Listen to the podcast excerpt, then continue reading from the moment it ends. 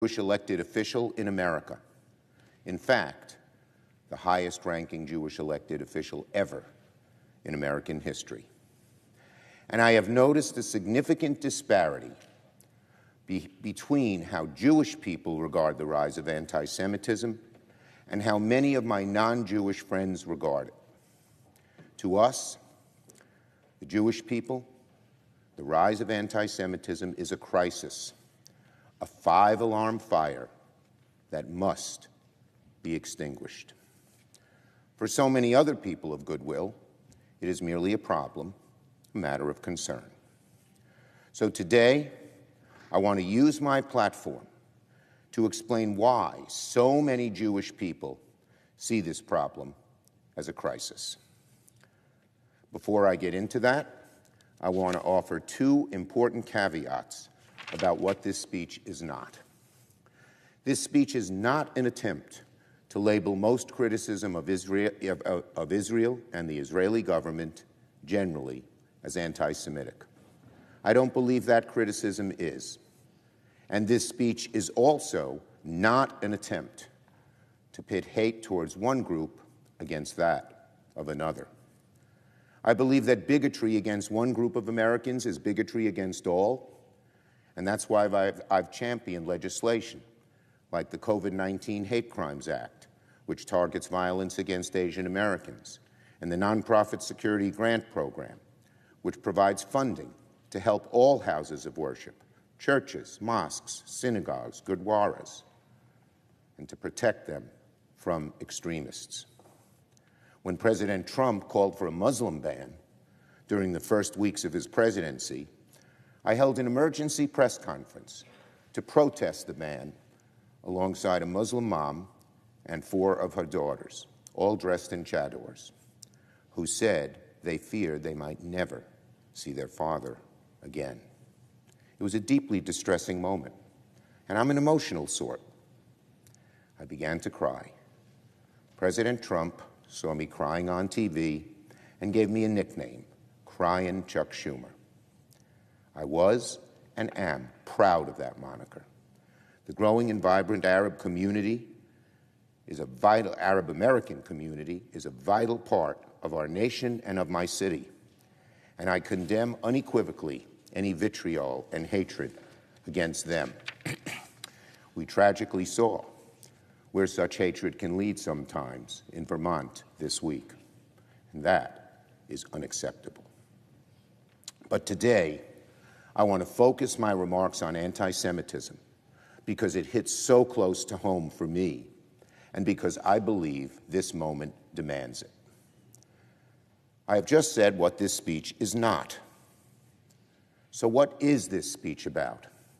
I want to describe the fears and anxieties of many Jewish Americans right now, particularly after October 7th, who feel there are aspects of the debate around Israel and Gaza that are crossing over into anti Semitism, rank anti Semitism, with Jewish people simply being targeted for being Jewish, having nothing to do with Israel. I want to explain through the lens of history why this is so dangerous. The normalization and exacerbation of this rise in hate is the danger many Jewish people fear most. And finally, I want to suggest how and why I hope that all Americans of goodwill can come together and do a better job of condemning such views and such behavior. But first, let us establish the facts. There's no question that anti Semitism is a serious problem in America. In general, Jewish Americans represent 2% of the U.S. population. Yet, we are the targets of 55% of all religion based hate crimes recorded by the FBI. This problem has been steadily worsening in recent years. But after Hamas attacked Israel on October 7th, hate crimes against Jewish Americans have skyrocketed. The Anti Defamation League estimates that anti Semitic incidents have increased nearly 300% since October 7th. The NYPD has recorded a 214% increase in New York City. And af- after October 7th, Jewish Americans are feeling singled out, targeted and isolated. In many ways, we feel alone. The solidarity that Jewish Americans initially received from many of our fellow citizens was quickly drowned out by other voices, while the dead bodies of Jewish Israelis were still warm, while hundreds of Jewish Israelis were being carried as hostages back to Hamas tunnels under Gaza. Jewish Americans were alarmed to see some of our fellow citizens characterize a brutal terrorist attack as justified because of the actions of the Israeli government. A vicious, blood curdling, premeditated massacre of innocent women, men, children, the elderly, justified. Even worse, in some cases, people even celebrated what happened, describing it as the deserved fate of, quote, colonizers, and calling for glory to the martyrs who carried out these heinous attacks. That happened here in America. Many of the people who expressed these sentiments in America aren't neo Nazis or card carrying Klan members or Islamist extremists. They're, in many cases, people that most liberal Jewish Americans felt previously were their ideological fellow travelers. Not long ago, many of us marched together for black and brown lives. We stood against anti Asian hatred. We protested bigotry against the LGBTQ community. We fought for reproductive justice out of the recognition that injustice against one oppressed group is injustice against all. But apparently, Mr. President, in the eyes of some, this principle does not extend to the Jewish people. The largely Ashkenazi survivors of decades of pogroms in Imperial Russia and the Holocaust under Nazi Germany, their children, grandchildren, and great grandchildren, the Mizrahi, who were forcibly evicted from Arab countries, and their descendants, the many Sephardim who were scattered across the Mediterranean after they were expelled from Spain and Portugal in the late 1400s. Do they not deserve the solidarity of those who advocate for the rights and dignity of the oppressed? Given the long history of persecution of the Jewish people throughout the world? Many of those protesting Israeli policy note that at least 700,000 Palestinians displaced or forced from their homes in 1948, but they never mention the 600,000 Mizrahi Jews across the Arab world who were also displaced, whose property was confiscated, whose lives were threatened, who were expelled from their communities. The hope at the time was that there would be two states, a Jewish state and a Palestinian state, living side by side. The plan was for the state of Israel to absorb the Jewish people from Arab lands and the new Palestinian state to absorb the Palestinians who now lived in Israel. In fact, Israel did absorb the displaced Jewish people of Arab lands. But the Arab nations insisted, inst- but the Arab nations instead sanctioned the United Nations to set up refugee camps for the Palestinians, refusing to accept the possibility that any of them would ever be relocated several times throughout history.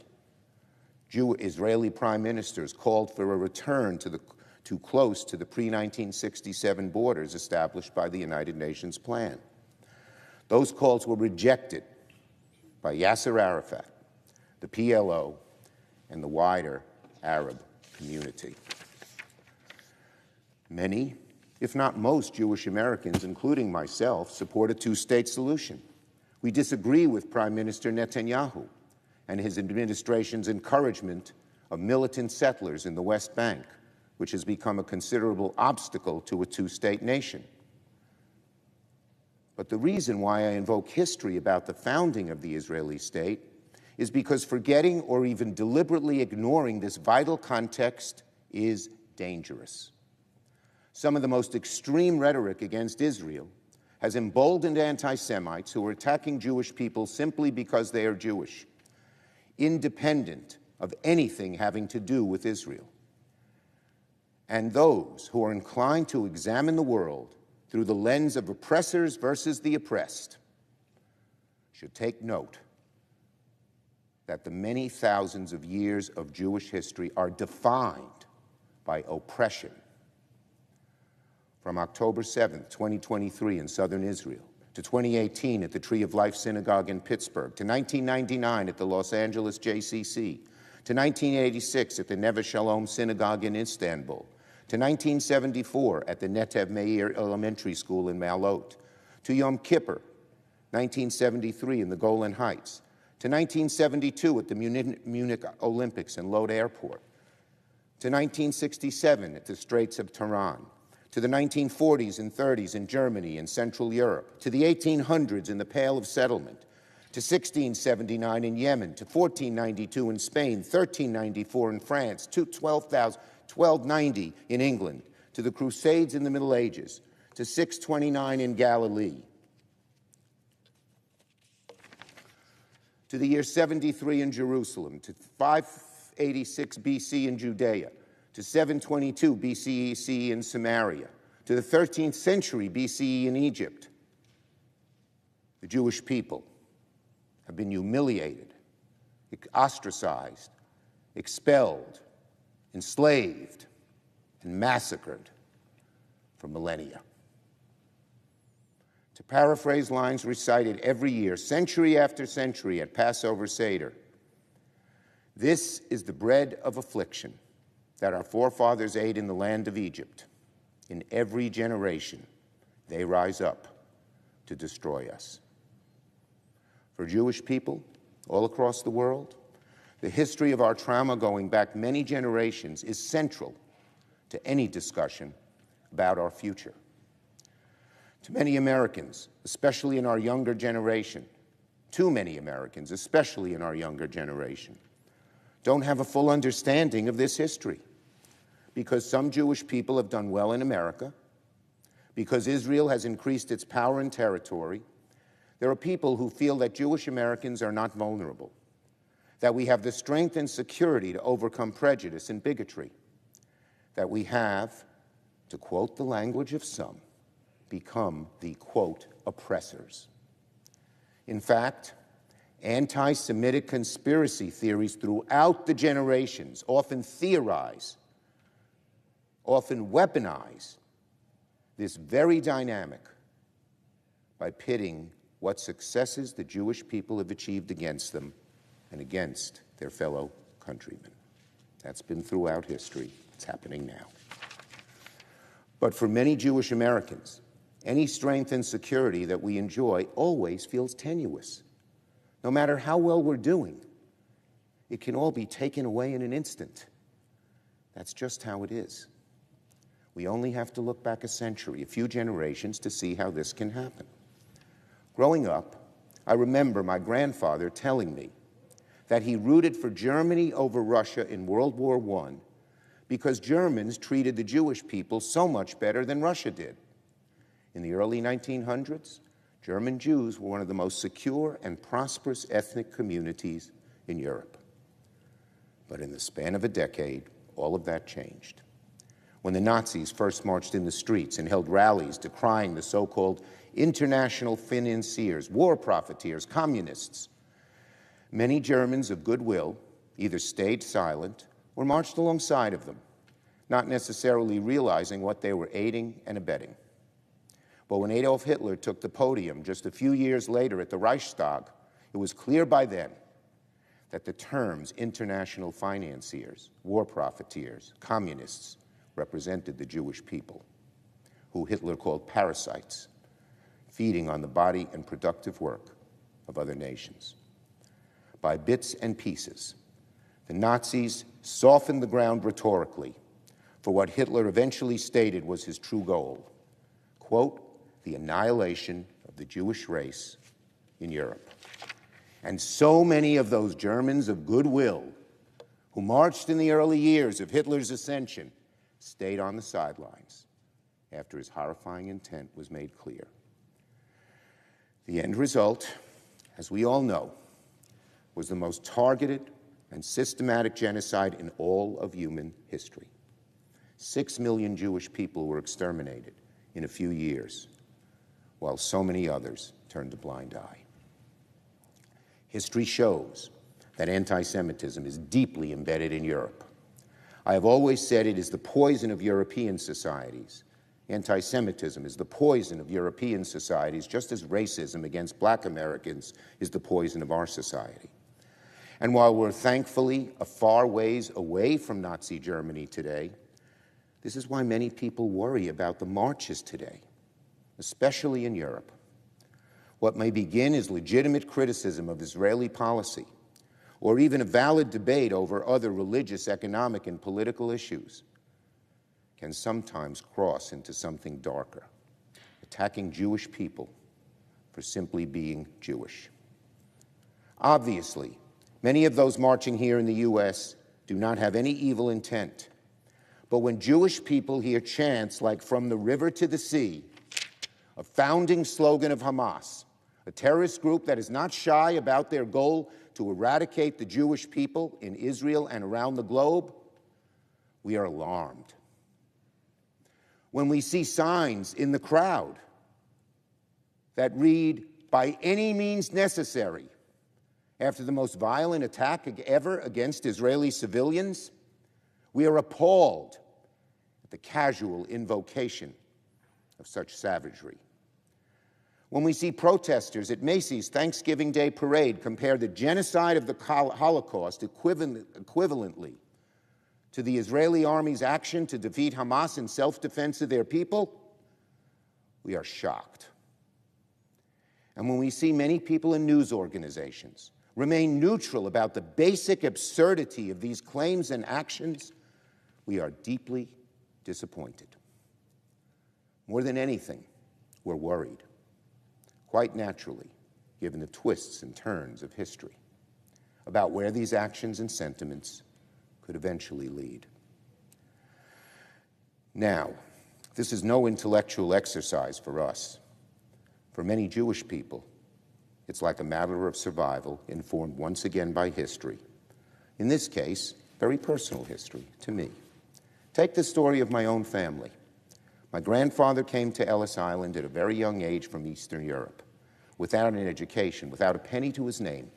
He was a street urchin, stealing apples from the push carts just to survive. But he dreamt of a brighter future for himself and his family. My grandfather ended up with the paper workers in Utica, New York, and helped form the union there. But he lost his job in the lead up to World War II, so he came back to New York City and bought a little exterminating business. His son, my father, followed in his footsteps and eventually took over that exterminating business. My father struggled in that job, barely making ends meet. But together with my mom, he provided a stable and loving home in Brooklyn for my siblings and me, where we were able to flourish. And because of the tolerance and the openness and the opportunity that courses through all of American life, I now stand before you as the majority leader of the United States Senate, the highest elected office a Jewish person has ever attained in the history of this country.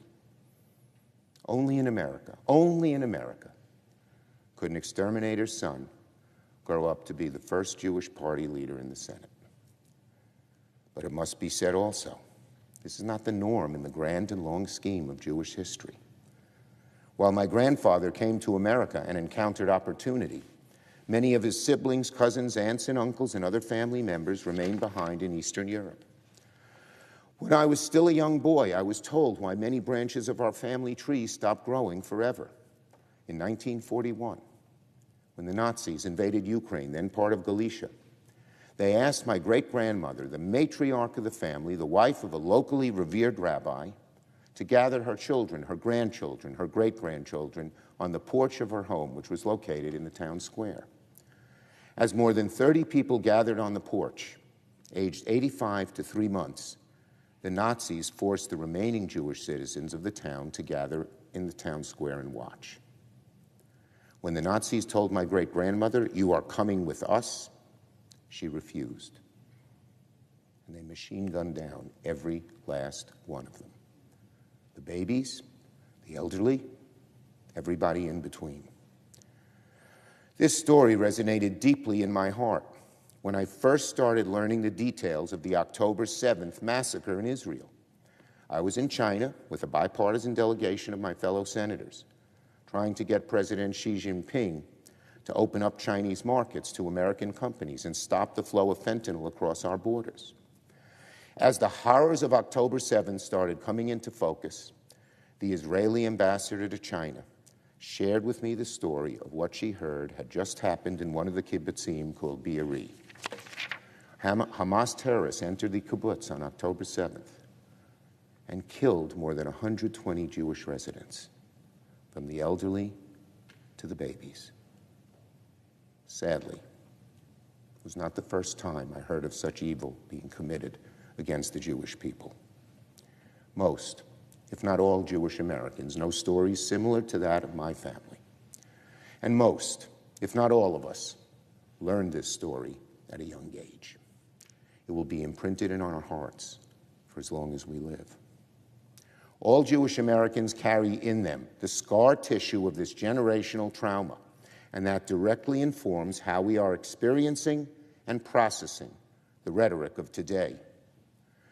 We see and hear things differently from others because we're deeply sensitive to the deprivation and horrors that can follow the targeting of Jewish people if it is not repudiated.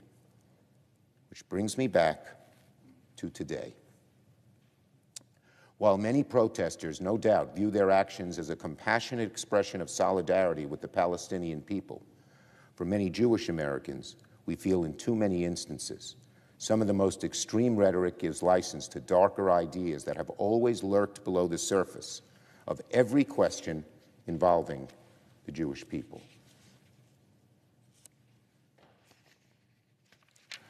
Anti Semites have always trafficked in coded language, and action to define Jewish people as unworthy of the rights and privileges afforded to other groups. I believe there are plenty of people who chant from the river to the sea, Palestine will be free, not because they hate Jewish people, but because they support a better future for Palestinians. But there is no question that Hamas and other terrorist organizations have used this slogan to represent their intention to eliminate Jewish people, not only from Israel, but from every corner of the earth. Given the history of oppression, expulsion, and state violence that is practically embedded in Jewish DNA, can you blame the Jewish people for hearing a violently anti Semitic message loud and clear anytime we hear that chant? We shouldn't accept this sort of language from anybody any more than we accept other racist dog whistles, like invoking welfare queens to criticize safety net programs or calling COVID 19 the Chinese virus. And that goes for extreme right wing Jewish settlers who also use deplorable language and who don't believe there should be any Palestinians between the river and the sea. Anti Semites are taking advantage of the pro Palestinian movement to espouse hatred and bigotry towards Jewish people. But rather than call out this dangerous behavior for what it is, we see so many of our friends and fellow citizens, particularly young people who yearn for justice, unknowingly aiding and abetting their cause. And worse, many of our friends and allies whose support we need now more than ever during this moment of intense Jewish pain have brushed aside these concerns. Suddenly, they don't want to hear about anti Semitism or the ultimate goal of Hamas. When I've asked some of the marchers what they would do about Hamas, they don't have an answer. Many don't seem to care. And so Jewish Americans are left alone, at least in our eyes, to ponder what this all means and where it could lead. Can you understand why the Jewish people feel isolated when we hear some praise Hamas and chant its vicious slogan? Can you blame us for feeling vulnerable only 80 years after Hitler wiped out half the Jewish population across the world, while so many countries turned their back? Can you appreciate the deep fear we have about what Hamas might do if left to their own devices? Because the long arc of Jewish history teaches us a lesson that is hard to forget. Ultimately, we are alone.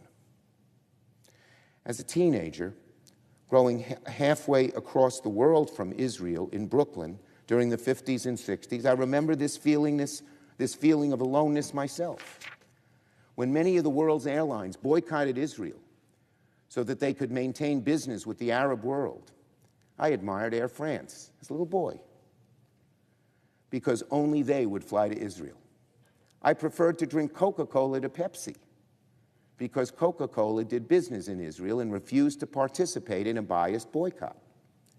Later, I remember in June of 1967, walking in solitary silence to class in Madison High School with a transistor radio held to my ear, listening to the news reports about the Six Day War and praying to God that Israel would survive. On top of feeling alone, the second dominant feeling that Jewish people have endured throughout history has been the sting of the double standard, which is the way the world has practiced anti Semitism over and over again. To the Jewish people, the double standard has been ever present and is at the root of anti Semitism. The double standard is very simple what is good for everybody is never good for the Jew. And when it comes time to assign blame for some problem, the Jew is always the first target. And in recent decades, this double standard has manifested itself in the way much of the world treats Israel differently than anybody else. The double standard was made clear to me when I was in college. I remember the day when the great and articulate Israeli ambassador to the United Nations, Abba Eban, was invited to come lecture on campus while the Students for Democratic Society and the Progressive Labor Party were waging a campaign against Israel's right to exist. 2,000 people gathered in a large auditorium to see Ambassador Eban, and the members of the SDS PLP sat in the gallery and hung a banner saying, Fight the Zionist imperialists. When the members of the SDS and the PLP tried to shout, shout him down, Eban pointed his finger to the protesters in the gallery. And with his Etonian inflection, he calmly but strongly delivered a statement I will never forget and that I will paraphrase to now. He said, I am talking to you up there in the gallery. Every time a people gets their statehood, you applaud it the Nigerians, the Pakistanis, the Zambians. You applaud their getting statehood. There is only one people, when they gain statehood, you don't applaud, you condemn it. And that is the Jewish people. We Jews are used to that, he said. We have lived with a double standard throughout the centuries. There were always things the Jews couldn't do. Everyone could be a farmer, but not the Jew. Everyone could be a carpenter, but not the Jew, he said. Everyone could move to Moscow, but not the Jew and everyone can have their own state, but not the Jew. There is a word for it, he said to them. That is anti Semitism, and I accuse you in the gallery of it. And the protesters slinked off.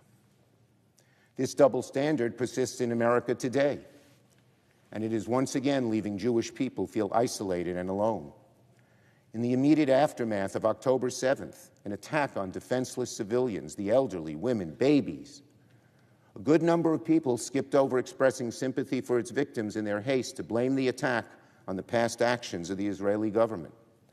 Can anyone imagine a horrific terrorist attack in another country receiving such a reception? And when Hamas terrorists actively hide behind innocent Palestinians knowing that many of those civilians will die in the Israeli response? Why does the criticism for any civilian death seem to fall exclusively on Israel and not at all on Hamas? My heart breaks for the thousands of Palestinian civilians who have been killed or suffering in this conflict, so many children. And I have urged the Israeli government to minimize civilian casualties on many occasions. But by committing such heinous atrocities on October 7th, before sneaking back into their tunnels underneath hospitals and in refugee camps in Gaza, Hamas has knowingly invited an immense civilian toll during the war, exploiting the double standard that so much of the world applies to Israel. Of course, let me repeat, that does not relieve Israel of the responsibility to protect innocent Palestinian lives. And I've been among the first to tell Israeli leaders they must act according to international law. I'm also fighting for critical humanitarian aid for Palestinians that this Senate, under my leadership, is working to deliver. So, I rise in this chamber today. I am speaking up to issue a warning informed by lessons of history too often forgotten. No matter what our beliefs, no matter where we stand on the war in Gaza, all of us must condemn anti Semitism with full throated clarity wherever we see it before it metastasizes into something even worse. Because right now, that's what Jewish Americans fear most. The spike in anti Semitism we're experiencing right now in America began after the worst instance of violence committed against Jewish people since the Holocaust. The vitriol against Israel in the wake of October 7th is all too often crossing a line into brazen and widespread anti Semitism, the likes of which we haven't seen for generations in this country, if ever. Which is why we need to name it clearly anytime we see it. After October 7th, when boycotts were organized against Jewish businesses in Philadelphia that have nothing to do with Israel, that is anti Semitism. After October 7th, when swastikas appeared on Jewish delis on the Upper East Side. That is anti Semitism. After October 7th, when protesters in California shouted at Jewish Americans, Hitler should have smashed you. That is anti Semitism. After October 7th, when a Jewish U.S. Senator was violently threatened for her views on Israel, that is anti Semitism. After October 7th, when students on college campuses across the country who wear a yarmulke or display a Jewish star are harassed, verbally vilified, pushed, even spat upon and punched, that is anti Semitism. After October 7th, when an author in a prominent left wing magazine labeled the pro Israeli rally in Washington a hate rally, that is anti Semitism. I attended that rally like tens of thousands, hundreds of thousands of others because I believe there should be a place of refuge for the Jewish people, not because I wish violence on Palestinians or any other people. And, Mr. President, after October 7th, when students at Hillcrest High School in Queens ran rampant in the hallways and demanded the firing of a teacher, these are high school students, demanding the firing of a teacher just because that teacher attended a rally supporting Israel and forced her to hide in a locked office for hours while staff struggled to regain control, that is anti Semitism. Walking out of the school to march in support of Palestinians is completely legitimate. But forcing a Jewish teacher to remain, as she described, locked in an office because she attended a rally in support for Israel is anti Semitism, pure and simple. In fact, Mr. President, the teacher who I'm speaking about is sitting in the gallery today, right now. I invited her to come and listen, and I am truly honored that she accepted my invitation. That is true courage. I believe it shows just how strongly many, so many Jewish Americans feel about the issue. She has requested anonymity, which I ask everybody present and everyone in the media to please respect. But I say to her from the bottom of my heart, thank you for being here. Thank you for caring. I have just listed a few of the so many examples, there are so many more, of pure, unadulterated anti Semitism has dramatically increased since October 7th. But the roots of pluralistic, multi ethnic democracy are deep in America. This is a place where Jewish people have been able to flourish alongside so many other immigrant groups. We must never lose sight of just how special that is, nor, nor must we ever stop fighting for it. All Americans share a responsibility and an obligation to fight back whenever we see the rise of prejudice of any type in our midst. To preserve this nation as a promised land of refuge, as a land that honors the dignity of every individual, as the land of opportunity for all. So, my plea, my plea, my fervent plea to the American people of all creeds and backgrounds is this. First, learn the history of the Jewish people who have been abandoned repeatedly by their fellow countrymen. I say this particularly to younger people who didn't live with any of this history. Learn the history of the Jewish people who have, who, we have, who have been left isolated and alone to combat anti Semitism through the centuries. Second, reject the illogical and anti Semitic double standard that is once again being applied to the plight of Jewish victims and hostages, to some of the actions of the Israeli government, and even to the very existence of a Jewish state. That is a double standard. There's no ducking from it. Third, understand why Jewish people defend Israel, not because we wish harm to, on Palestinians, but because we fear a world where Israel is forced to tolerate the existence of groups like Hamas that want to wipe out all Jewish people from the planet. Some of us watch this film, which the public can't see, which showed the brutality and viciousness that every Israeli citizen and every Jew feels. We fear a world where Israel, place of refuge for Jewish people, will no longer exist. If there is no Israel, there will need, be no place, no place for Jewish people to go when they are persecuted in other countries. As an adult, I remember watching my grandfather, one of the few in his family to survive the Holocaust, being overwhelmed by emotion and breaking down in tears when he saw Israel for the first time. This had nothing to do with politics or with money or with racism or with oppression. It was deeply human. The emotional catharsis of a man whose family was uprooted and exterminated, finally stepping foot in the place of refuge for his people. A place that the Jewish people had yearned for, not just for decades or centuries, but for millennia. So many of my aunts and uncles and cousins and nieces and nephews would be alive today had Israel existed before World War II, as I said before. Many Jewish Americans fear what the future may bring, based on the repeated lessons of history. Many Jewish Americans see clear anti Semitism in the double standard that is being wielded by too many opponents of Israel. And we see it in attacks on Jewish people for simply being Jewish, apart from having anything to do with Israel.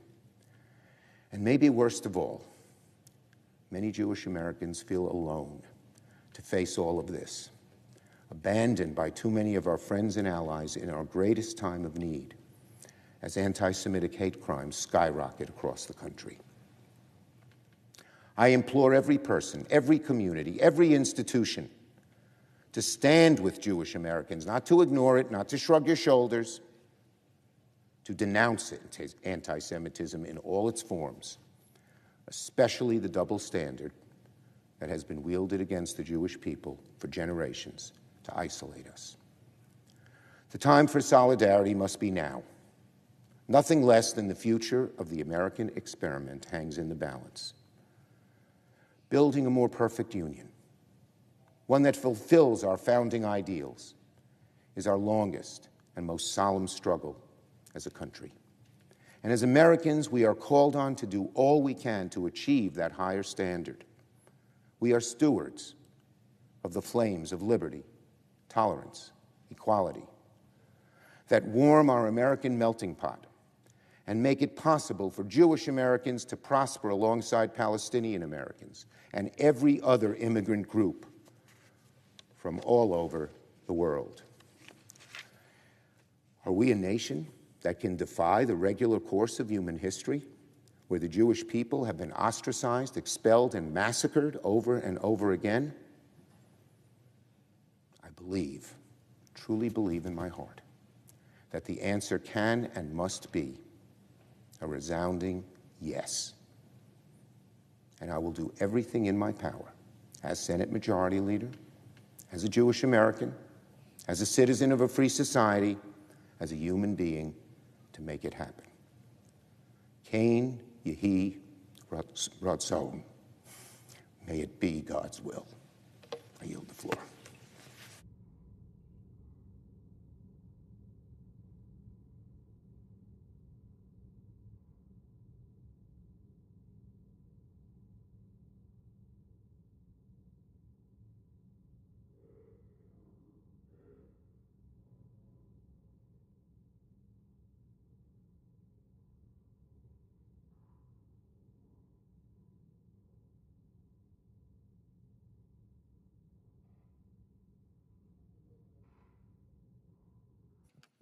Clerk will call a roll.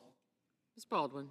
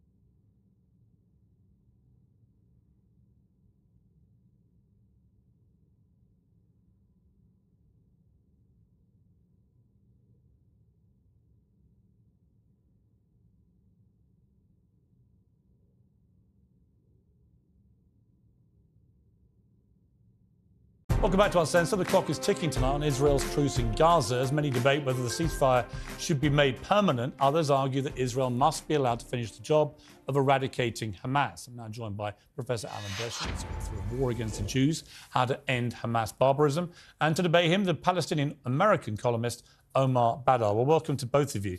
Um, Alan Dershowitz, let me start with you. Uh, obviously, your book very timely. Um, you know, I, have spoken a lot in the last couple of months of the moral quandary I feel about what is going on in Gaza. I have no moral quandary about what happened on October the 7th.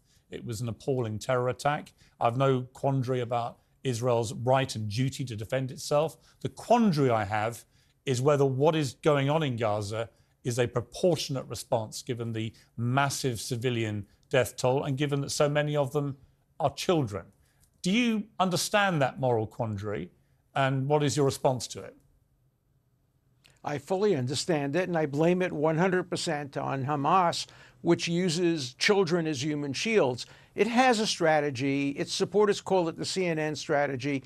I'm more direct. I call it the dead baby strategy. What Hamas does is they kill as many Israeli Jews as possible, knowing that Israel is going to have to respond by going after their commanders, their tunnels, and their rockets. And so they hide their commanders, their tunnels, and their rockets among babies and children and, and civilians. And then when Israel responds and tries to conduct a military operation to prevent recurrence of these uh, barbarisms, they bring the dead babies in front of CNN and the New York Times. And the world, of course, sheds tears, as we all shed tears whenever we see a dead baby.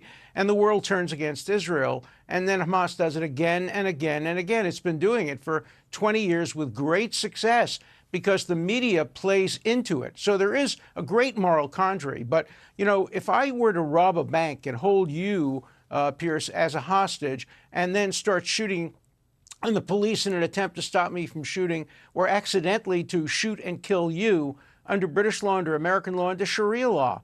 The responsible person is not the person whose bullet killed the uh, hostage. It's the hostage taker who's guilty of murder. Okay. So, yes, there's a, a moral conundrum, but Hamas is responsible for causing it. Okay. Uh, Omar Baddar, I mean, there's no doubt that the scale of what Hamas did on October the 7th was so overwhelming and horrendous that Israel was always going to respond like this. Hamas knew that. And my, I guess my question off the top to you is how did that serve the Palestinian people? How does what Hamas did and the mm-hmm. scale that it did it, knowing what the response would be, knowing thousands of innocent Palestinians would die very quickly as a consequence, as well as people in Israel, how did that help the Palestinian people? I think there's a bigger question here as far as context is concerned, which is that the single biggest organ- terrorist organization in all of Palestine and Israel is known as the Israeli government. And the military wing of this terrorist organization, which is Orwellianly named the Defense Forces of Israel, has engaged in massive war crimes for decade after decade against Palestinians, engaging in the mass killing of Palestinian civilians, in land theft, in denial of water. I mean, just the list of atrocities goes on and on and on. And if we want to just go by a timeline, a question might be why did the terrorist government of Israel think it can impose decade after decade of occupation and siege on Palestinians and deny them any prospect for a better future and not think that there's going to be a reaction of sorts? So we have this a little bit backwards. We have this arbitrary starting point of an attack by Hamas, which, had it been confined to military targets, could have been uh, con, you know, mm-hmm. construed as an act of legitimate resistance, but because it also included attacks, horrendous attacks on Israeli civilians, obviously these kinds of acts are indefensible. But ultimately, we are talking about a situation in which Israel is initiating violence, in which Israeli terrorism dwarfs anything that Hamas has ever done. And we're watching that even expand to a more monstrous scale. Now we're talking about an apartheid government that is engaging literally in the mass starvation of a civilian population and mass terrorism, killing them by the tens of thousands. And the question is, has it gone too far? I shudder to live in a world where that's even a question. Of okay, course, these well, kinds me, of atrocities have okay, to come to an end. let me end. go back to Alan. I mean, this is the problem, Alan, that I think Israel has in terms of global opinion here, especially from America, which obviously will play a key role. Um, if, as, as, the report suggests, once this uh, temporary pause is over, uh, they start barreling through the south of Gaza, it does beg the question well, what, what is going to happen at the end of this? Is, is the military plan to simply level the whole of Gaza to the ground with perhaps 50 to 100,000 or more uh, civilians killed in the process? And is there any guarantee of two things? One, that you actually get rid of Hamas by doing that, because at the moment they can't say, I've already interviewed Israeli government spokesmen, they can't tell you how many Hamas terrorists they've actually killed. They don't know, right? And it may be they've all disappeared. Um, but is that part of the military plan? And if it is, what's the plan after this?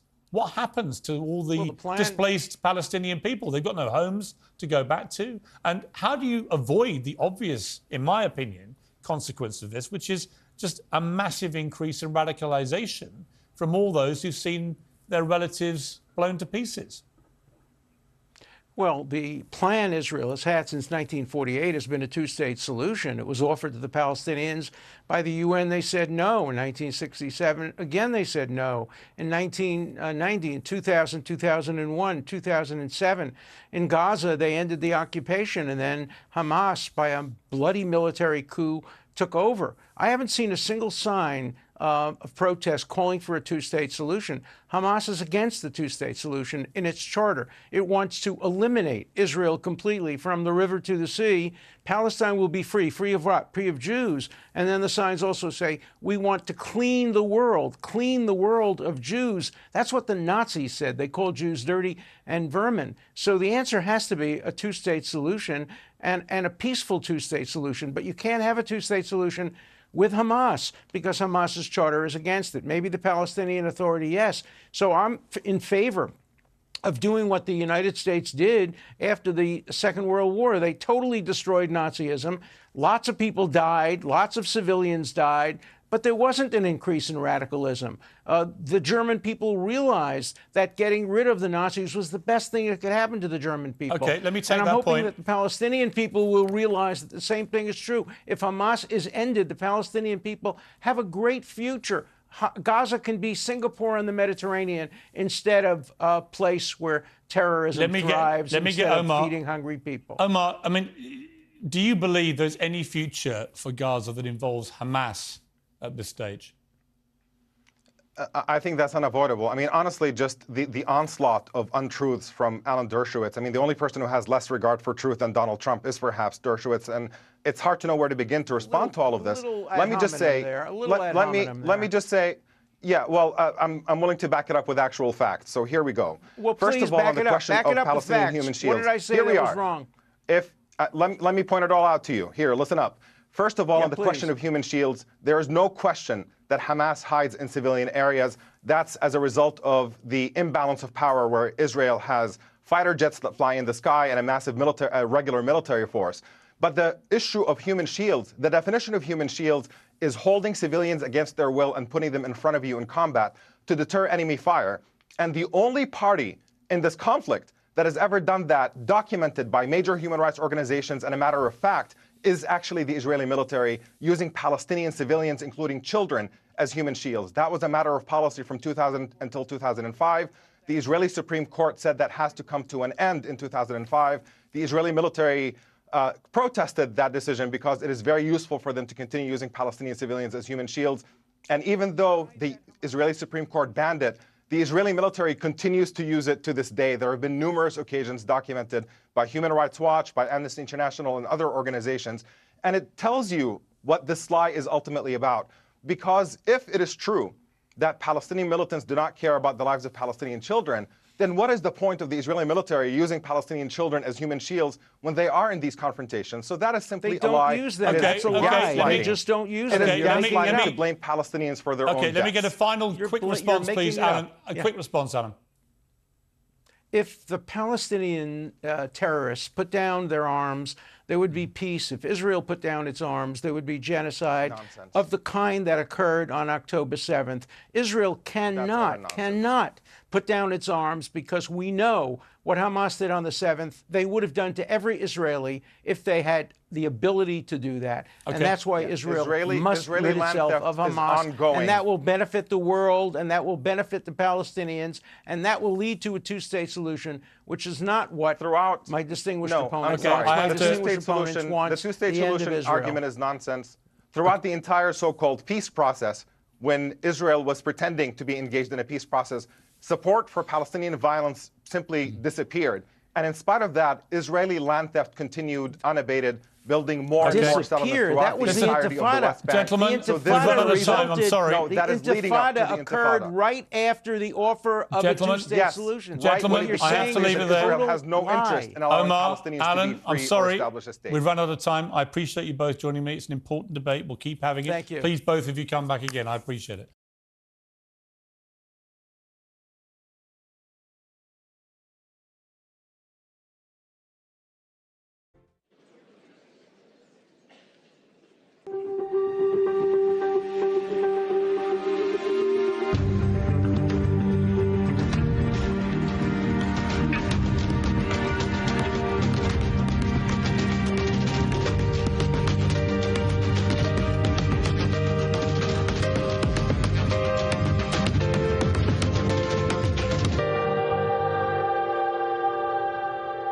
Welcome Andrew Ross Sorkin and his guest, CEO of Tesla, CEO of SpaceX, Chief Engineer and CTO of X, Elon Musk.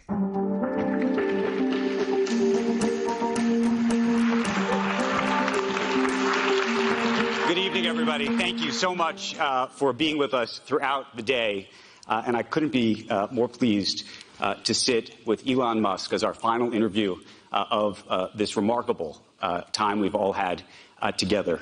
He doesn't need much of an introduction, but I want to, say a couple things. Um, he's the richest person in the world. He what? may very well be the most, con- most consequential individual in the world right now.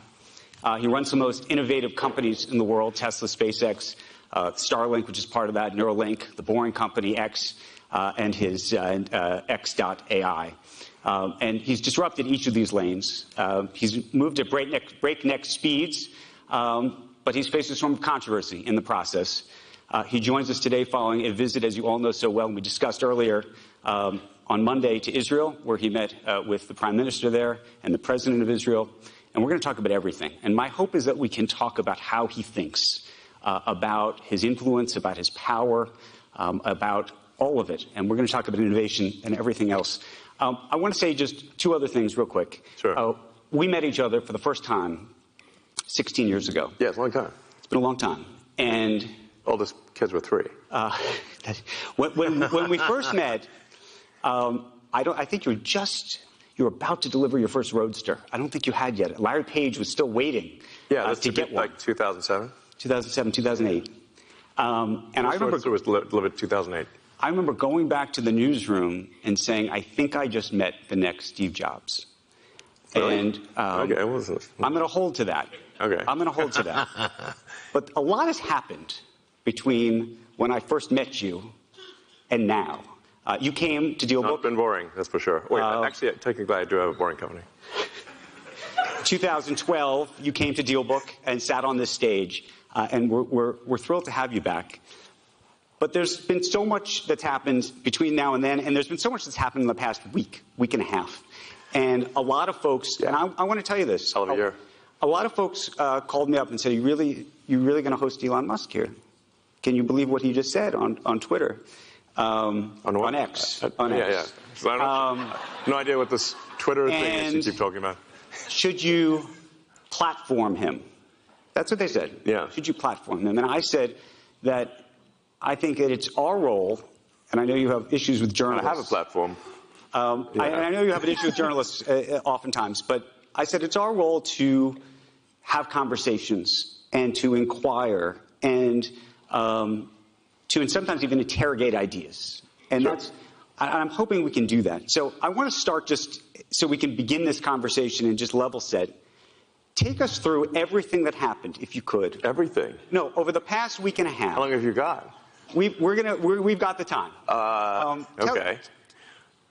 You, you send out a, you send out a, a post or an X or a tweet. Yeah, I don't know post, what whatever, yeah. as. Mm-hmm. Um, I, am trying to change. Uh, like when things were just 140 characters, it made sense to call them a tweet because uh, like a bunch of little birds chirping. But when you know, the point at which you can put like three-hour videos on, it's like uh, it's a very long tweet.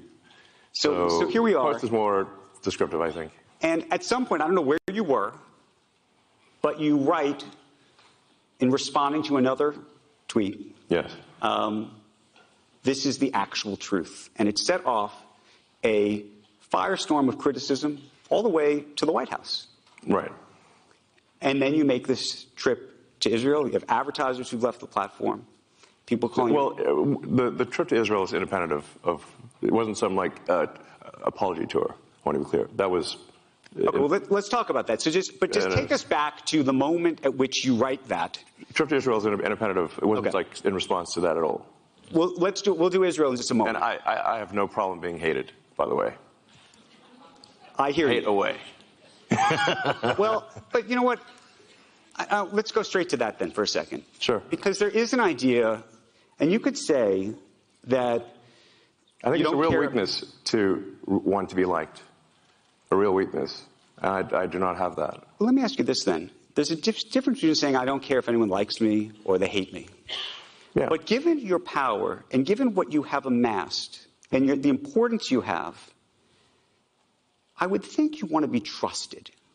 I would think maybe you don't need to be liked or hated, but trusted matters. If, if X is going to become a financial platform where people are going to put their money, where people, where, where the government's Yeah. going to give you money for, for, uh, for rockets, where people are going to get into the cars, they need to ultimately decide that you are, maybe they don't have to decide that they, they love you, but that you are ultimately a decent and good human being. Yes, I mean, I, I, I think I am, um, but I, I'm certainly not going to uh, do some sort of tap dance to prove to people that I am.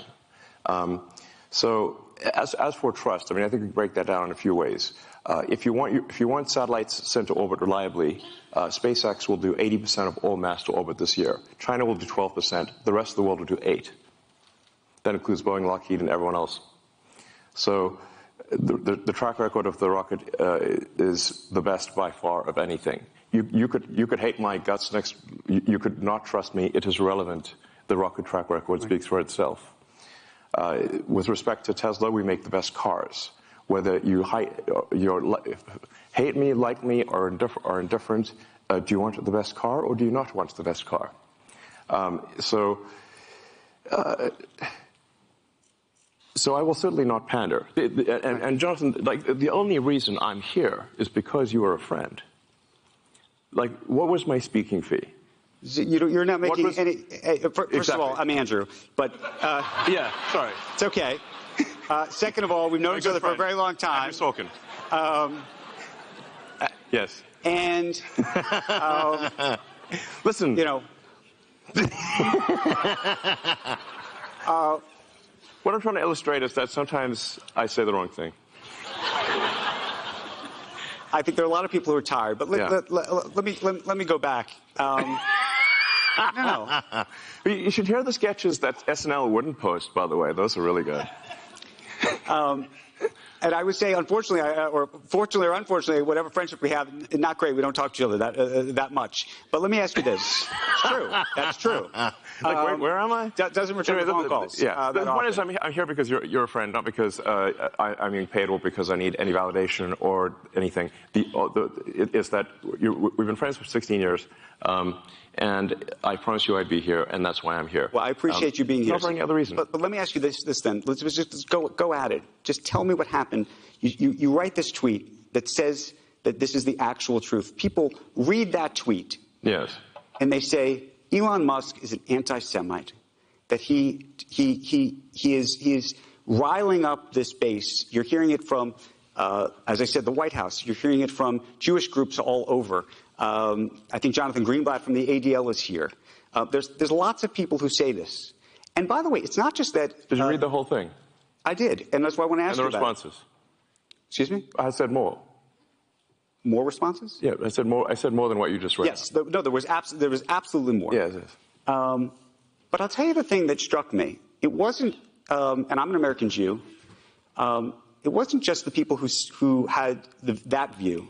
It was actually people who ha- who really are anti-Semites who said, "Oh my goodness, go go Elon, this is fabulous." And that actually was the thing that really uh, really set me back. I said to myself, "What's going on here?"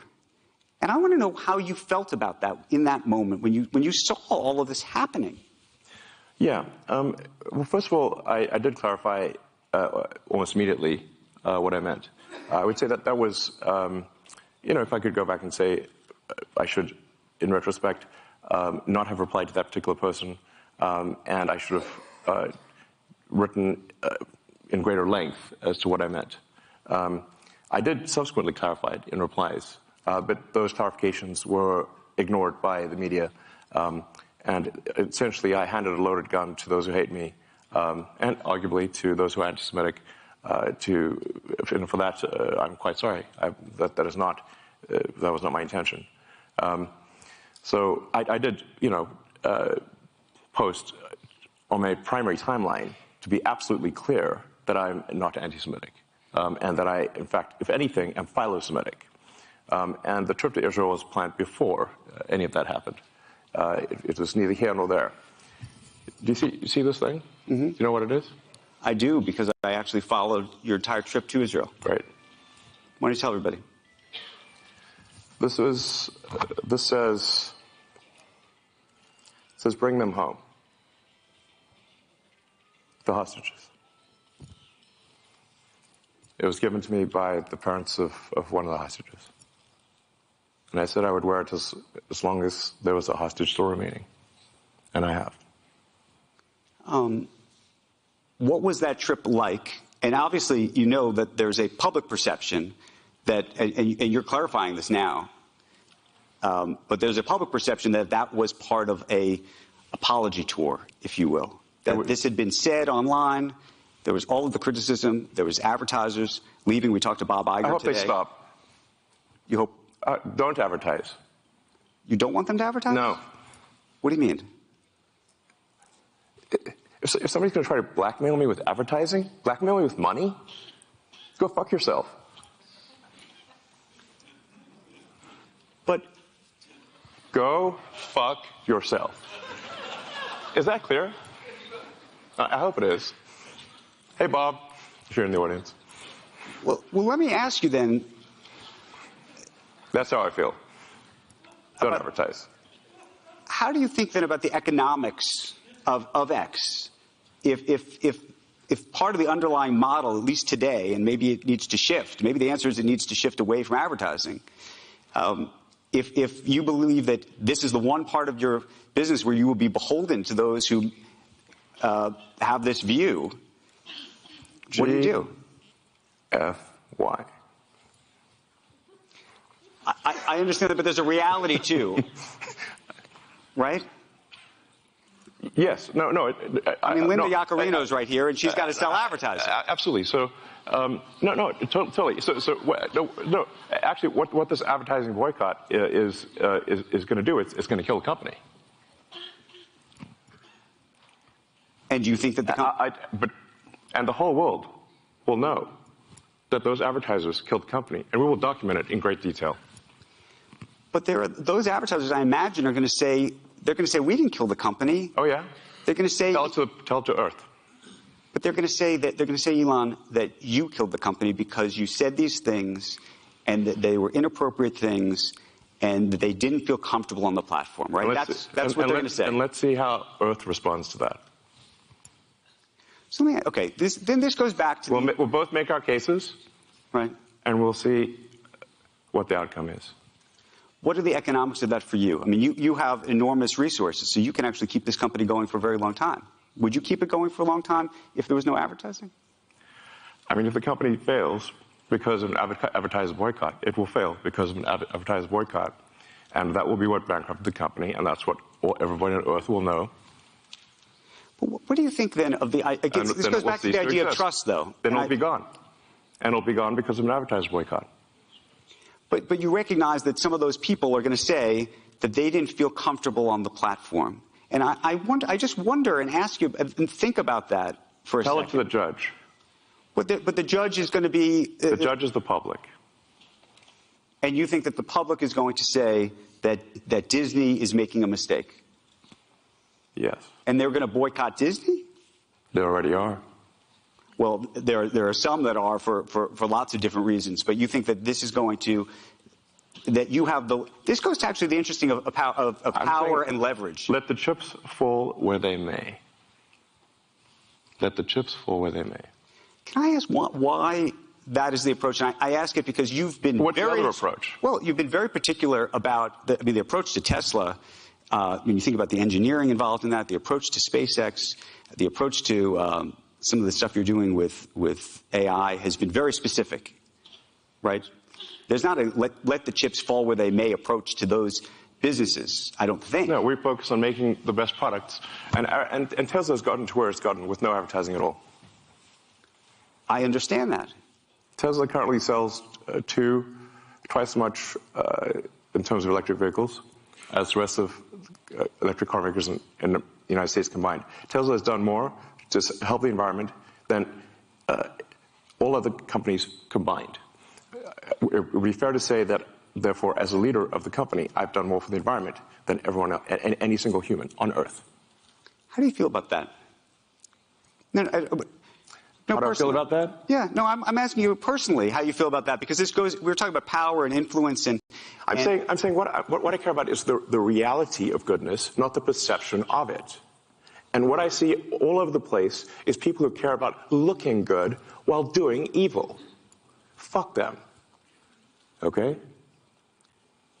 Let me ask you th- th- this because I think part of this, by the way, there's some people who said, look, owning X to begin with has just created problems, that you've created so many amazing things that are changing our world. And, and, and I know you want to uh, make X this fabulous town square free, free speech platform, but that unto itself that that has created such a distraction of all of these things. This is the conversation we're having. We're not focused, or we're not, not talking at least yet, and we will. Uh, on Tesla, you have your Cybertruck uh, deliveries tomorrow, and everything else that you're doing. But yes, is there any? It will be the biggest product launch of anything by far on Earth this year. Is, is there any part of you though that just says, ah, you know what? I just shouldn't have done this, or maybe I should sell it, or give it away, or do something else with, with, the, with the X piece of it. Yeah. Given, given, given the propensity for some of the things that you do and say on that platform to create these, these issues. Yeah.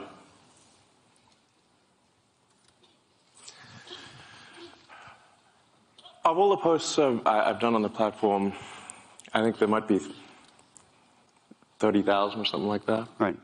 Once in a while, I'll say something foolish. And I have.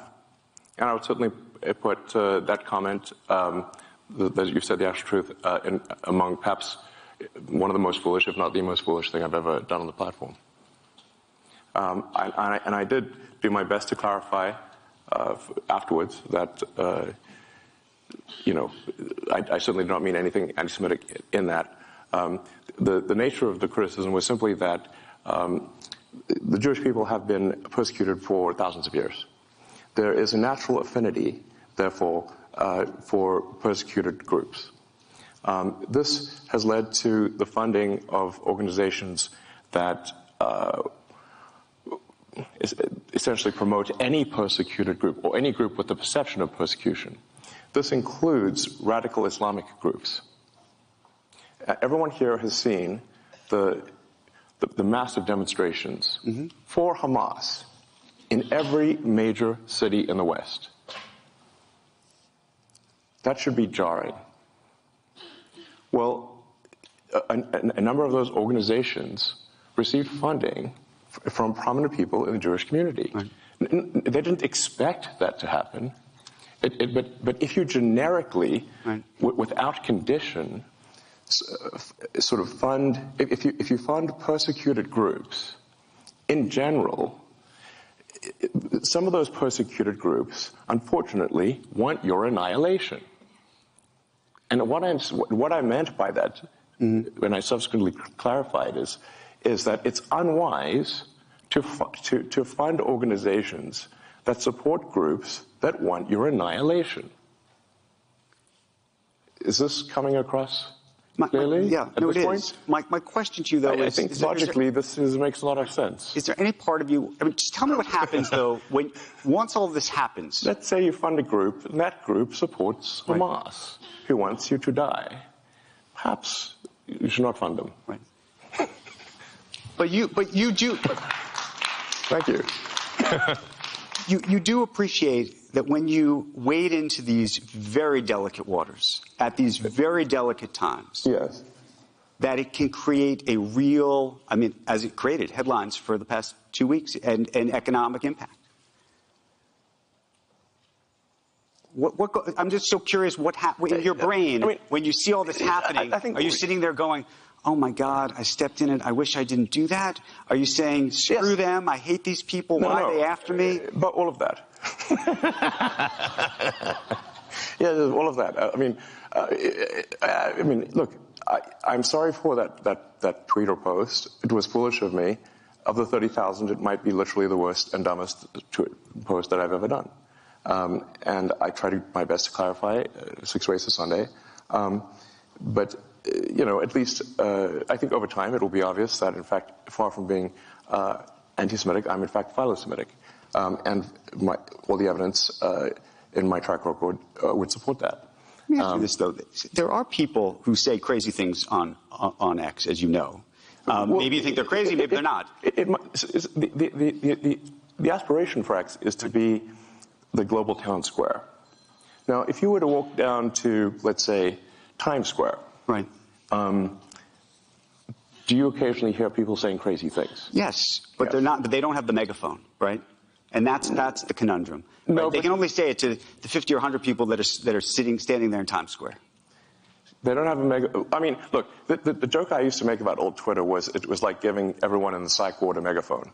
Um, so, uh, you know, I'm, I'm, I'm aware that things can get promoted uh, that are negative beyond the sort of circle of, of somebody simply screaming crazy things in Times Square, which happens all the time. Um, you know, so so the it, it's it's actually it's it's pretty rare for something, um, frankly, that is uh, hateful to be promoted. It's not it's not it's not that it never happens, um, but it's it's fairly rare. Um, I mean, I would encourage people to look at for those that use the system. When you look at the the sort of the, the feed that you receive, uh, how how often is it is it hateful? And over time, has it gotten more or less hateful? And I would say that if you look at uh, the X platform today versus a year ago, I think it is actually much better. I mean, what, what is your personal are you, experience? are you surprised? I'm just curious. You use this. I use the platform uh, religiously. I, I So admit notice. to being an addict, and I use the for you. And I will I will say now the the problem is because I'm a journalist, I go looking for stuff. Well, that's I'm not just, I'm just saying.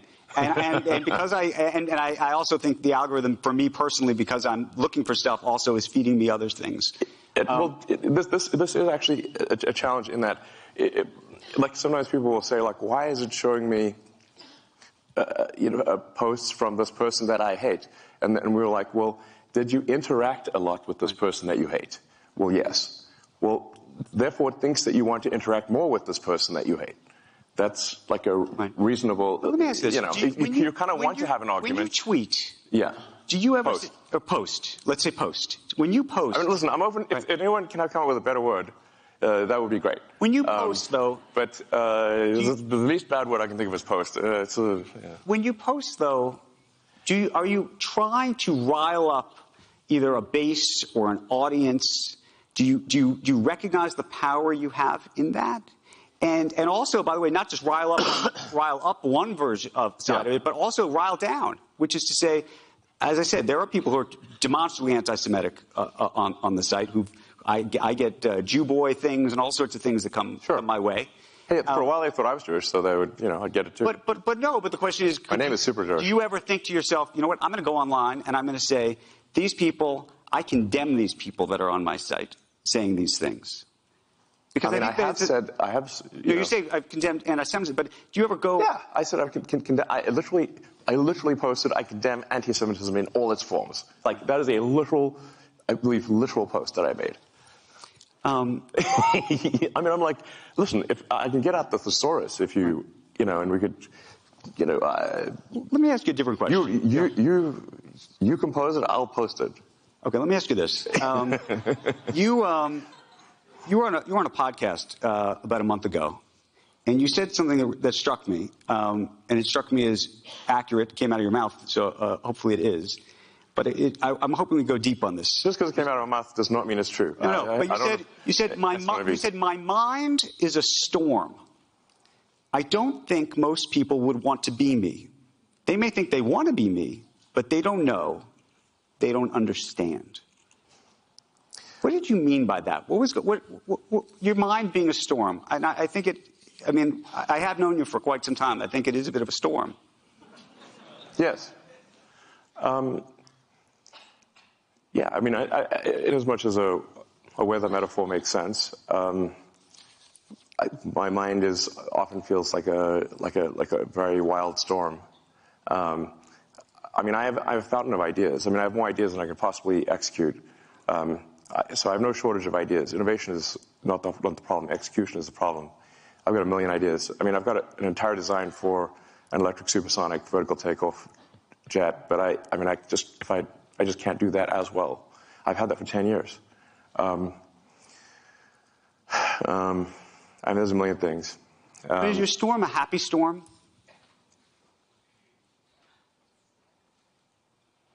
No. It's not a happy storm. No. Tell us about that, because I, I think that that actually, it, when people try to really understand you, I think that there's a lot of this comes from some other place, and I, wa- I want to talk about that. What do you think that is?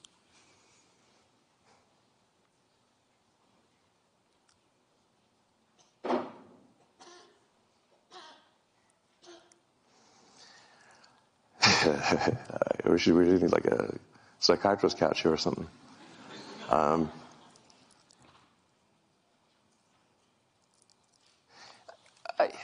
You know, I, I think to some degree I was born this way, but and then it was amplified by a difficult childhood, frankly. Um, so, uh, but I can remember even in happy moments when I was a kid that there's just it just feels like there's just a a rage of forces in my mind constantly.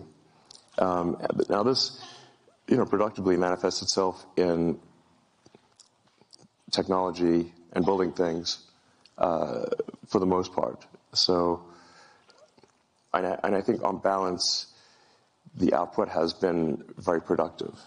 Um, I think the results, as we you know discussed earlier with SpaceX, Tesla, PayPal, which is you know, still going today. Um, the uh, first internet company that I started, in fact, the first internet company I started, Zip2, was um, uh, funded by New York Times company, yep. Hearst Knight Ridder, and in fact, uh, we wrote some of the software for the, the New York Times website, right. um, and we helped bring online several hundred uh, newspapers that previously were only in print.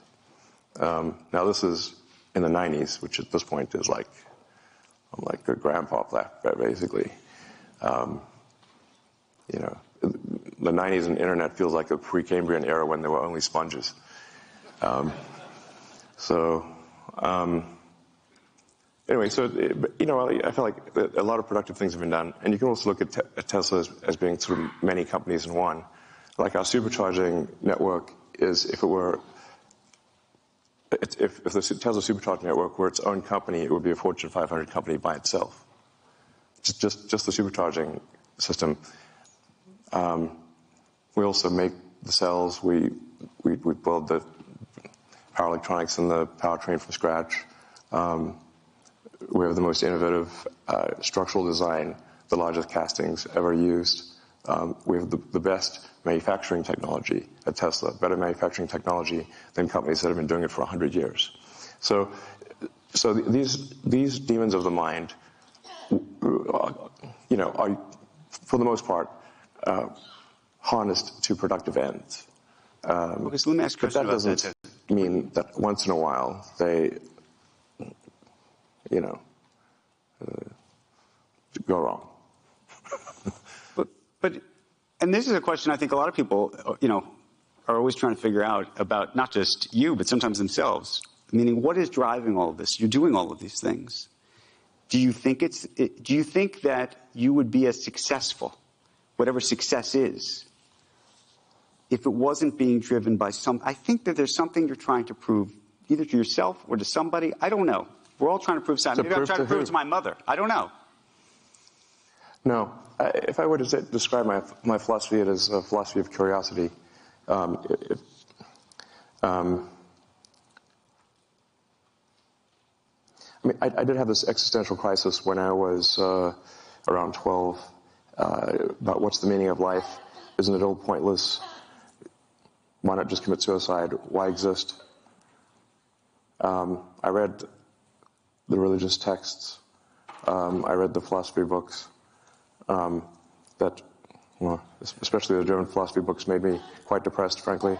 One should not read Schopenhauer and Nietzsche as a teenager. Um, but then I read uh, Douglas Adams' Hitchhiker's Guide to the Galaxy, which is a book on philosophy in the form of humor. And the point that uh, Adams was making there was that uh, we don't actually know what questions to ask. Um, that's why I said that, you know, the answer is 42. Like basically Earth's a giant computer and, and it came up with the answer 42. But then to actually figure out what the question is, that's the actual hard part. Um, I think this is generally true also in physics. At the point at which you can uh, properly frame the question, the answer is is actually the easy part. Um, so, so, so my motivation then was that well, my life is finite, really a flash in the pan in the, on a galactic t- time scale, uh, but if we can expand the scope and scale of consciousness, then we are better able to figure out what questions to ask about the answer that is the universe. And maybe we can find out the meaning of life or even what question to, what, what the right question to ask is. Um, you know, where did we come from? Where are we going? Um, where are the aliens? Are there aliens? Um, and, you know, these, these questions, you know, and is there new physics to discover? Uh, or is this, because there seems to be some real questions around dark matter and dark energy. And um, so the, the purpose of SpaceX is to extend life beyond Earth on a sustained basis so that we can at least pass one of the Fermi great filters, uh, which is that of being a single planet civilization. Uh, if we are a single planet civilization, then we are simply waiting around for some extinction event, whether that is man-made or uh, natural. Um, but if you're a single planet civilization, eventually you will uh, something will happen to that planet and you will die. If you're a multi-planet civilization, you will live much longer. Also, a multi-planet civilization uh, is the, that's the natural stepping stone to being a multi-stellar civilization and being out there among the stars. So now this, I think, has two. This, this is not simply a defensive uh, motivation, um, but it is also one where that, you know, that gives meaning. Man's search for meaning. Can I ask you a different? Um, a, let me finish this philosophy point, even though it may seem rather esoteric. Um, it may resonate with a few people. Um, we must get past this Fermi filter of being a, a, this great filter of being a single planet civilization. Um, and if we do that, we're more likely to understand the nature of the universe and what questions to ask. Um, if you're a believer in the philosophy of curiosity, then then I think you should support this ambition. Um, and but, but it's more there's being a multi-planet species is more than than simply you know, life, ins- life insurance for life collectively. That's a defensive reason. But, but, I, but I think also that, that, that life has to be more than simply solving one sad problem after another. Uh, you know, th- there have to be, there have to be reasons where you wake up in the morning and you're happy to be alive. There have to be reasons that you, you have to say, why are you excited about the future? Like, what gives you hope? And, and, and if, you, if, you, if you're unsure, ask your kids. And, and, and I think the idea of us being a spacefaring civilization and being out there among the stars is incredibly inspiring um, and exciting and something to look forward to. And there need to be such things in the world. Let me ask you a different question about confidence. We were having a conversation here earlier, but people um, and where, where people get their confidence from. Some people have great insecurity, other people uh, have great confidence. And I was thinking about you because you have a very interesting history where people have told you over and over again that you're wrong. Well, sometimes they're right. Well, sometimes they are, but I would say that when it comes to Tesla, when it came to SpaceX, people told you that you were crazy. You're out of your mind. This was never going to happen. This was yes. never going to work. And so, what, yes. the reason I ask you this, yes. though, is now when people say you're wrong, this isn't right, do you look at that and say, you know what, that's like a red flag for me because, you know, I, have been told no. so often that I'm wrong that I know that I, and I know I'm right because I've had that experience. Or are there people in your life when they say, you know what, Elon, this is not, this is not right? Do you know what I'm saying? Um, I mean, I think what you're trying to say is that uh, do I at this point think because uh, I've been right so many times when others have said I'm wrong that now I have to believe I'm right when in fact I'm wrong? You did very well. what do you think? No, I'm right. um, so, uh, yeah, no, look, here's the thing. Um, physics is un- unforgiving. Physics is unforgiving. So, uh, I mean, I have, you know, these various little sayings I've come up with uh, that uh, physics is the law and everything else is a recommendation. Right. Uh, in the sense that uh, you can break any law made by humans, but try breaking a law made by physics. That's much more difficult. Um, so if you are wrong and persist in being wrong, the rockets will blow up and the cars will fail. Right. Um, so this is, we're not, we're not trying to figure out what, what flavor of ice cream uh, is the best flavor of ice cream. The, right. Like, if, if, there's a thousand things that can happen on a rocket flight, and only one of them gets the rocket to orbit. And so being wrong results in failure uh, when dealing with physical uh, objects. So, but that's the interesting part. So now you've built this, these great companies that physically, the physics of them are enormously su- successful. So successful, arguably, that you have leverage over everybody else, right? There's, nobody else can do Starlink. Nobody else can get. I, I, I, nobody else can get the, the rockets in, in, space yet. Amazon and Jeff Bezos are trying, but they haven't yet. I hope he does.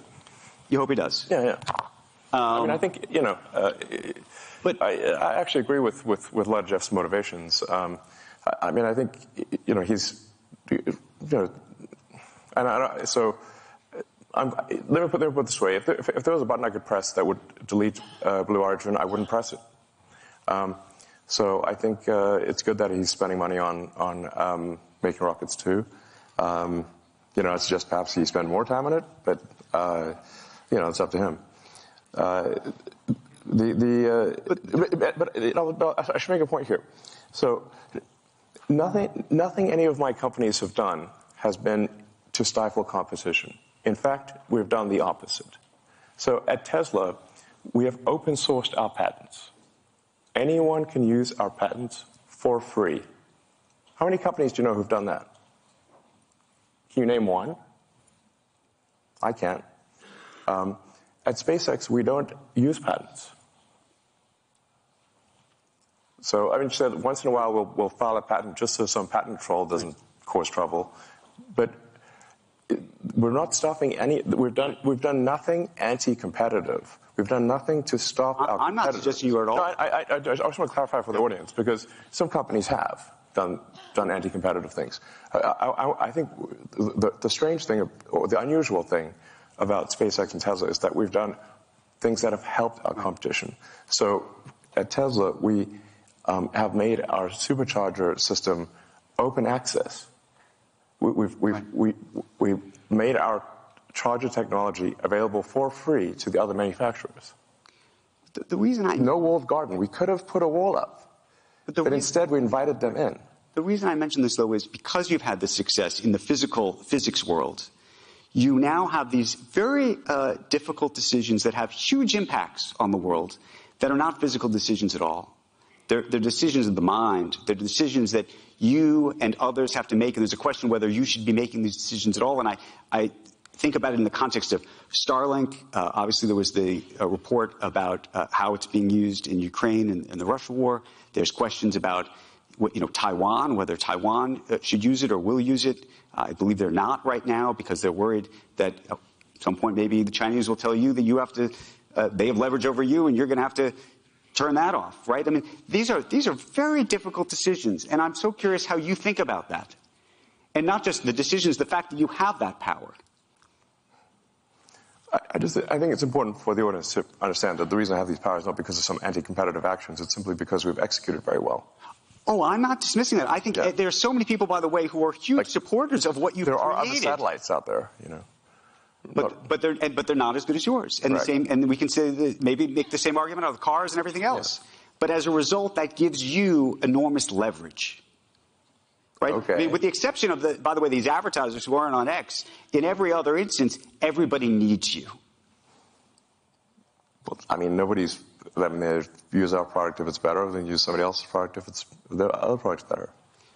And I accept that. And maybe one day I somebody mean, like, else will create I a better mean, product. Is it like, you know, how, how is it a bad thing to make better products than other companies? Well, I- and I, I want to just go back to this to the Starlink piece of it, though, because it, that has sort of a geo, geopolitical ramification in terms Okay. of your power and how you think about that specific power, and then uh, the power that the U.S. government might have either over you or not over you, the power the Chinese government might have over you or not over you, and how those things get used. Uh, I mean, what are you suggesting? I, I'm, I'm, I'm asking the question around this, this very idea of how these satellites are going to be used, whether you think that you should have control of them, whether the government should have control of them. Uh, Do you how, trust the government? Well, that's, uh, there's a lot of people who don't trust the government. Ah, exactly. But then this goes back to the trust of you, right? I mean, like I said, we're not the only company who has communication satellites. The, our satellites are just much better than theirs. So it's not like we have a monopoly. Right. Do we you just feel, have do you feel like anybody has, product. It's not like do you feel anybody has leverage over you? I mean, I think at the end of the day, if we make bad products that people don't want to use, then the users will vote with their resources and use something else. Let me pivot the conversation for a second. I mean, uh, certainly, I mean, my company's overseen by regulators, and and while um, you know, once it's, it's since uh, SpaceX, Starlink, Tesla um, are overseen by you know cumulatively over 100 regulators, uh, in in actually more than that, a few hundred regulators, because you've got we're in 55 countries. Um, if, if you sum up all the times that I had an argument with regulators of hundreds of regulators over decades, it, it can sound really terrible, except they forgot to mention that there were 10 million regulations we complied with and only five that I disagreed with. but they still fi- the five. And it sounds like, wow, this guy's a real maverick. I'm like, yeah, but what about the 10 million we complied with? Do you let me, let me one one related thing on this, in the, the, the leverage of countries and things over you and regulators. Um, X is this fr- free speech platform. You do business in China, lots of business in China. That's an important part of your, your business, I imagine. Uh, well, not SpaceX. How do you think about the leverage that the Chinese have over you? And do they have leverage over you? And how do you feel about, some people would say, is it hypocritical uh, for you to be doing business in China, or frankly in other countries as it relates to X and other things that don't follow this free speech path that uh, you have espoused? The best that the X platform can do is adhere to the laws of any given country. Uh, uh, do you think there's something more we could do than that? I think it would be very hard, but I just wonder, given uh, the sort of strong philosophical approach that you've you've you've you've been vocal about, whether you say to yourself, you know, maybe I shouldn't be doing business in that country. Well, first of all, Starlink and SpaceX do are no business in China whatsoever. Um, uh, Tesla has one of uh, four factories, four vehicle factories in China, um, and China is, you know, I don't know, a quarter of our market or something like that. Uh, so it's a quarter of the market of one company. Um, the same is true, by the way, of, of all the other car companies. Uh, they also have something on that order of a quarter of their sales in, in China. Um, so if you if that's a problem for Tesla, it's a problem for every car company. Um, I mean, I think one has to be careful about not conflating uh, the various companies because I can only do things that are within the bounds of the law. I cannot do beyond that. Um, my aspiration is to do as much good as possible and to be as productive as possible within the bounds of what is legal. More than that, I cannot do. Um, I want to pivot and talk about AI for a moment. We had Jensen Huang here, who's uh, a big fan of yours, as you know. Yeah, Jensen's awesome. Talked about talked mean- about bringing you the first box, by the way, Yes. uh, with Ilya. Uh, interestingly enough, Yes, uh, uh, back in 2016, I think. There's a video of Jensen uh, and me unpacking the first AI computer at OpenAI. So I'm so curious what you think of what's just happened over the past two weeks while you were dealing with this other uh, um, headline, series of headlines. There I was a whole other series of headlines OpenAI, so far- at OpenAI. What did you think? Well, You founded it, co-founded. co-founded yeah. Um, well, well the, the whole arc of OpenAI, frankly, is a little troubling because the, the, the reason for starting OpenAI was to create a, counter, counterweight to uh, Google, Google and DeepMind, which at the time had two thirds of all AI talent and basically infinite money and compute. And there was no, there was no counterweight. It was a unipolar world. And Larry and Page and I used to be very close friends, and I would stay at his house and I would talk to Larry into the late hours of the night about AI safety. Um, and it became apparent to me that Larry did not care about AI safety. Um, I think perhaps the thing that gave it away was when he called me a speciesist uh, for being pro-humanity, um, as in you know like a racist, Right. but for species. Um, so I'm like, wait a second, uh, what side are you on, Larry? Um, and, and then I'm like, okay, listen, this guy's calling me a speciesist. He doesn't care about AI safety. Um, we've got to have some counterpoint here because this seems like we could be. This is this this is no good. So uh, OpenAI was actually started, and it was meant to be open source. Uh, I named it uh, OpenAI um, after open source. Um, it is in fact closed source, super closed. It should be it should be named, renamed super closed source for maximum profit AI. Um, so because this is what it actually is. I mean, fate loves irony. I mean, in, in fact, a friend of mine has this says like the way to predict outcomes is the most ironic outcome is the most. It, it's like this Occam's razor, like the simplest sort of explanation is most likely. And um, my friend Jonah's view is that the most ironic outcome is the most likely, and that's what's happened with OpenAI. Um, it's, it's gone from an open source uh, foundation, a 501c3, to suddenly it's like a $90 billion for-profit corporation with closed source.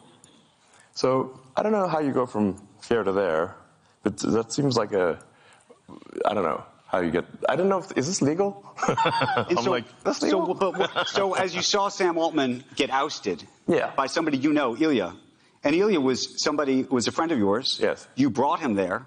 Uh, your relationship with Larry Page effectively broke down over you recruiting him away. I That's, think. that's correct. That was the fight. That was the, Larry refused to be friends with me after I recruited Ilya. And so here's Ilya apparently saying something is very wrong. I think we should be concerned about this because I think Ilya actually has a strong moral compass. Um, he thinks about, he, you know, he, he really sweats it over questions of what is right. Um, and if Ilya felt strongly enough to want to, you know, fire Sam, well, I think the world should know what was that reason. Have you talked to him? I've reached out, but he, he doesn't want to talk to anyone. Have you talked to other people behind the scenes as this is all happening? I've talked to a lot of people. As n- nobody, I've not f- found anyone who knows why. Have, have you? I think we are all still trying to find out. I, I mean, look, one of two things is, is either it was a serious thing, and we should know what it is, or it was not a serious thing, and, and then the board should resign. What do you think of Sam Altman? I have mixed feelings about Sam.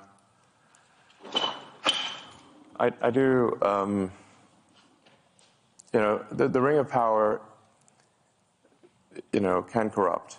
Um, and this is the ring of power. So, you know, I don't know. I think I want to know why Ilya felt so strongly as to fire Sam. This sounds like a serious thing. I, d- I don't think it was trivial. And I'm quite concerned that this that there's some you know dangerous element of AI that they've they've created. Discovered. Yes, You think they've discovered something. that'll be my guess. Where are you with your own AI efforts relative to where you think OpenAI is, where you think Google is, where you Well- think the others are? I mean, on the AI front, I'm in somewhat of a quandary here because um, I've thought AI could be something that would change the world in, in a significant way since I was in college. I mean, like 30 years ago. Um, so the reason I didn't go build AI right from the get-go was because I, I was uncertain about which which edge of the double-edged sword was, would be sharper, the good edge or the bad edge. So I held off on doing anything on AI. I could have created, I think, the leading AI company, and kind of OpenAI actually kind of is that. Um, because I was just uncertain if you make this magic genie, what will happen? Um, you know, whereas I think building sustainable energy technology is much more of a single-edged sword that is single-edged good. Making life multiplanetary, I think single-edged good. Um,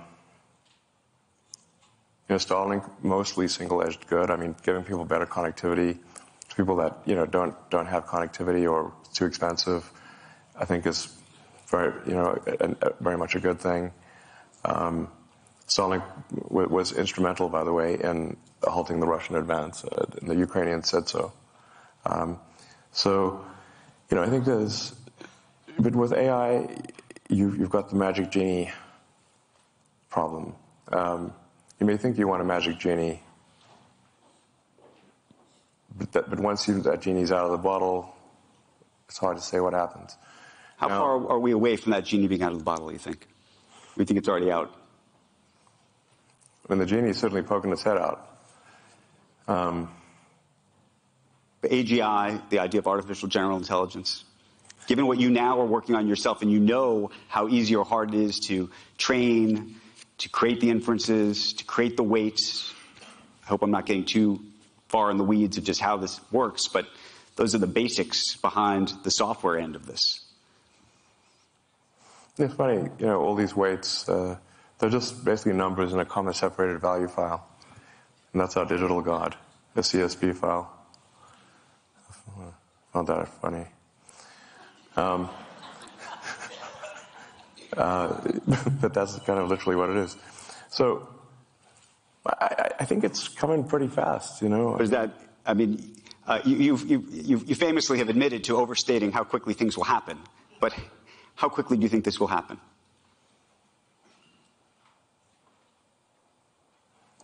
If you say smarter than the smartest human at anything, Yep. It may not be then quite uh, smarter than all humans, all machine augmented humans, you know, because people have got computers and stuff. Um, there's a higher bar. But if you say smarter than any, you know, can write as good a novel as, say, J.K. Rowling or discover new physics or invent new technology, um, I would say that we are less than three years from that point.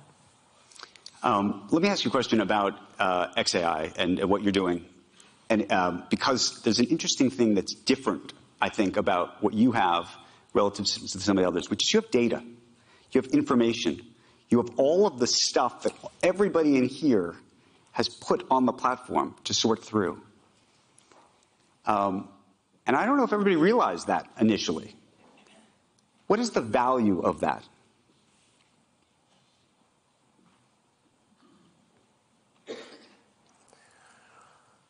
Yeah, I mean, data is very important. Um, you could say da- data is probably more valuable than gold. But then maybe you have actually, maybe you have more, maybe you have the gold in X in a different way. In a way, again, that I, I, that I don't know if the public appreciates what that means. Yes, um, X is the might be the single best source of data. Um, I mean, it is. Uh, there are more, you know, people links that go to people click on more links to X than anything else on Earth. Sometimes people think Facebook or Instagram is a bigger thing, but actually, there are more links to X than anything. You can. There's public information. You can Google it. Okay, let me ask you a, Um, so it, it is it is uh, where you would find what is happening right now on Earth at any given point in time. The whole OpenAI drama played out, in fact, on the X platform. Um, so it is one of the. It's not. There, you know, Google certainly has a massive amount of data. So does Microsoft. Um, so it's not like, but but it is one of the best sources of data. Um, Can I ask you an interesting uh, IP issue, which I think is actually something uh, I can say as somebody who's in the creator business and journalistic business and, and whatnot, uh, where I care about copyright. So, one of the things about training on data has been this idea that you're not going to train, or, or these things are not being trained on people's copyrighted information. Historically, that's been the concept. Yeah, that's a huge lie. Say that again. Yes, these AI, well, these AIs are all trained on copyrighted data, obviously. So you think it's a lie when when OpenAI says that this is not none of these guys say they're training on yeah. copyrighted data. Oh, that's, that's a lie. It's a lie, yeah, straight up. It's a straight up lie. Okay.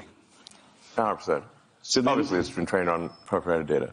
Okay, so let me ask the second question, which is all of the people who have been uploading. I mean, it's like one every minute. Yeah. All of the people who have been uploading articles, the best quotes from different articles, uh, videos to X. All of that can be trained on. And it's interesting because people put all of that there, um, and those quotes have historically been considered fair use, right? They, yeah. People are putting those quotes up there. And individually, on a fair use basis, you'd say, okay, that makes sense.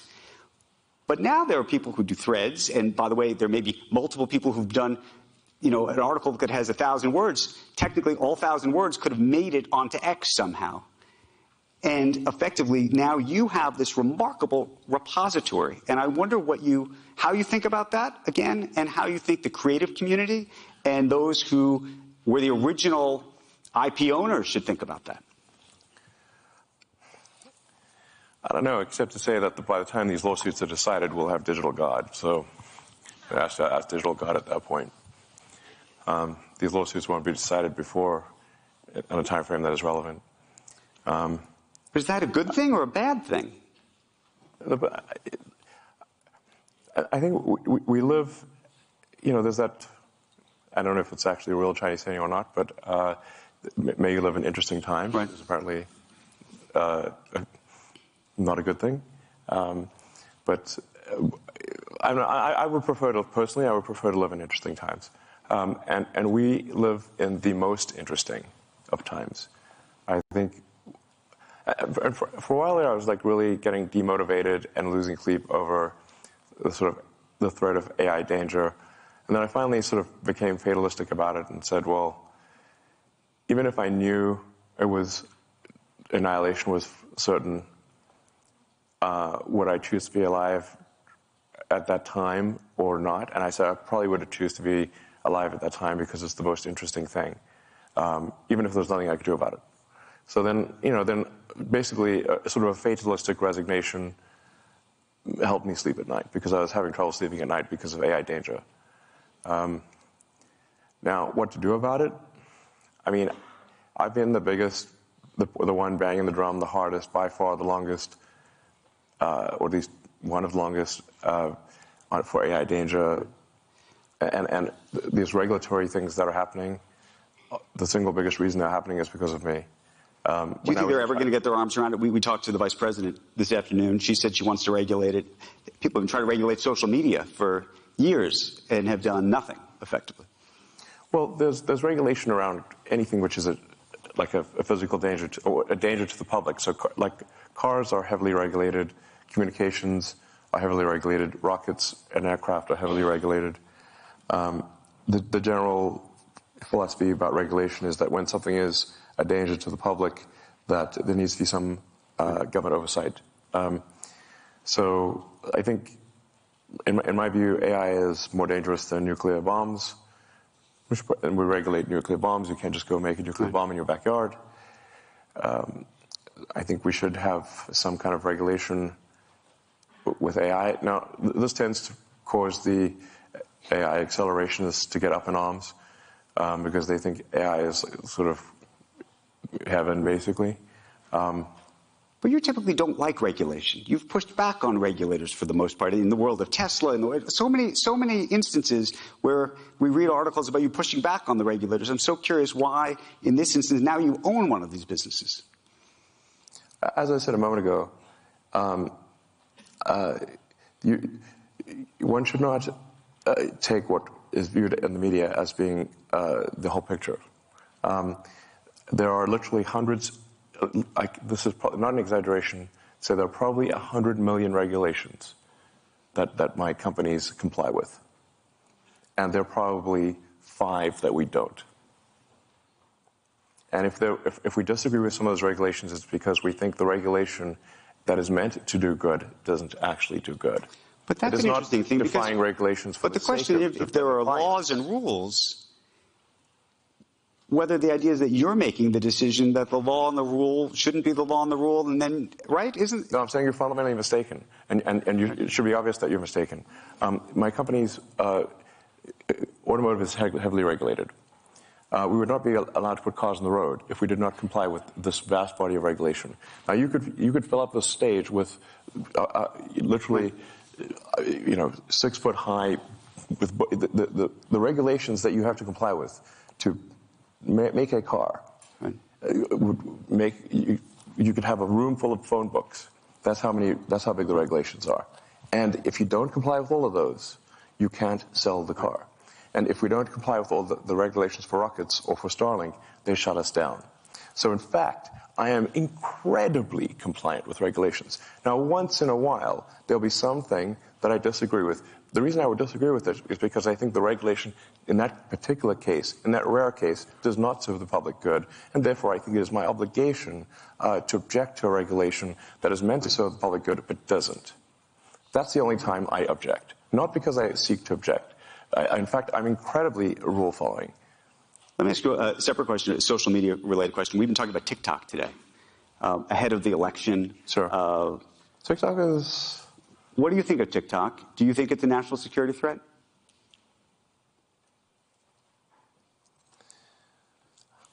I don't use TikTok. Um, Say that again? You don't? I don't personally use it. Um, but for, for people that, for, for, for, teenagers and people in their 20s, they seem almost religiously addicted to TikTok. Um, some people will watch TikTok for like two hours a day. Um, I stopped using TikTok when I felt the AI probing my mind, and I don't. It made me uncomfortable, um, so I stopped using it. Um,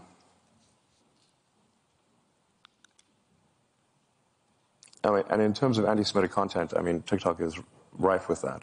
It has, it has the most viral anti-Semitic content uh, by far. But do you think the Chinese um, government is using it to manipulate the minds of Americans? No. Is that something that you think we should worry about? I mean, you have, you have different states that are trying to ban it. I don't think this is a, some Chinese government plot. Um, but it, it, it, it, it is, the, the TikTok algorithm is entirely AI powered. So it is really just trying to find the most viral thing possible. It's, it's what is going to keep you glued to the screen. Right. That's it. Um, now, the, on, on sheer numbers, um, there are on the order of 2 billion Muslims in the world. And I think, uh, you know, much smaller number of Jewish people. 20 million, something? Uh, many orders of magnitude fewer. So if you just look at at content production, just right. on sheer numbers basis, is going to be overwhelmingly anti-Semitic. Let me ask you. Let, let, me ask you a political question. Um, and I've been trying to square this one in my head for a long time. Yeah. In the last two or three years, you have moved decidedly to the right. I think. Have I? Well, we can discuss this. I think that you have uh, been espousing and promoting uh, a number of, of, of, Republican candidates and, and, others. You've been very frustrated with the Biden administration over, I think, unions and uh, feeling uh, like they uh, did not respect uh, what you've created. I well, know. I mean, with, without any uh, doing nothing to provoke the Biden administration, they held an electric vehicle summit at the White House and specifically refused to let Tesla attend. This was in the first six months of the administration. Um, and we inquired. We're like, we literally make more electric cars than everyone else combined. Why are we not allowed? Why are you only letting uh, Ford, GM, Chrysler, and UAW, and you're specifically disallowing us from the EV summit at the White House? We, had done nothing to provoke them. Um, then uh, Biden went on to add insult to injury um, and publicly said that GM was leading the electric car revolution. This was in the same quarter that Tesla made 300,000 electric cars and GM made 26. Does that seem fair to you? So, but, but tell me this then. It, it doesn't seem fair. Um, and, right. and, and I've asked uh, repeatedly, uh, you've probably seen and, me. And by the way, I had a great relationship with Obama. So there's not a. So, but, but, you know, but then there's I voted this. for Obama. I stood, stood in hours for six. I stood in line for six hours to shake Obama's hand. Okay. So, but, okay. So let me just ask on a personal level. Oh. This, I can see it in your face. This, this hurt you personally. And it hurt the company too. And it was an insult to, the, the, you know, T- Tesla has 140,000 employees. Okay, of, of, the half of them are in the United States. Tesla has created more manufacturing jobs than everyone else combined. So let me ask this then. You, you've devoted at least the last close to 20 years of your life, if not more, to uh, the climate, climate change, uh, trying to get Tesla off the ground, in part to improve climate. You talked about that. Uh, yeah, a real right-wing motive. Repeatedly. God, far right, if no, anything. I understand that. And then it's so it's, it's, it's, it's right. reverse psychology next level. Well, no, but so here's then the question, which is how do you square the support that you have given? Uh, I believe you were at a fundraiser uh, for uh, uh Vivek Ramaswamy, for example, who says that yeah. the climate uh, climate issue uh, is a hoax. Right? Yeah, I disagree with him on that. I, but I would think that that would be such a singular issue for you. I would think that, uh, that the climate issue be such a singular issue for you that actually it would disqualify almost anybody who, who didn't take that issue seriously. Well, I haven't endorsed anyone for, for president. I mean, I wanted to hear what Vivek had to say because um, I think some of his things are, that's some of the things he says, I think are pretty solid. Um, you know, he's concerned about government overreach, um, about government control of information, the, I mean, the, the, degree to which uh, old Twitter was basically a sock puppet of the government was ridiculous. Um, so, you know, it, it, seems to me that there's, there, there's a, a, very severe violation of the First Amendment um, in terms of how much government control, uh, how, how, much control the government had over old Twitter, um, and uh, it no longer does. So, you know, there's a reason for the First Amendment. Um, the reason for the First Amendment for freedom of speech is because the, the people that immigrated to this country uh, came from places where there was not freedom of speech. And, and they were like, you know what? We, we, we, we got to make sure that that's constitutional. Um, because where they came from, if they said something, they'd be put in prison, or there'd be, uh, you know, uh, something bad would happen to them. So, uh, and freedom of speech, you have to say, when is it relevant?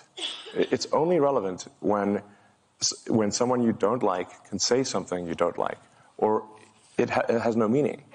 Um, and, and, and as soon as you sort of, you know, throw in the towel and concede to censorship, it is only a matter of time before someone censors you. And that is why we have the First Amendment. Um, could you see yourself voting for President Biden? If, if, it's, if it's a Biden Trump election, for example?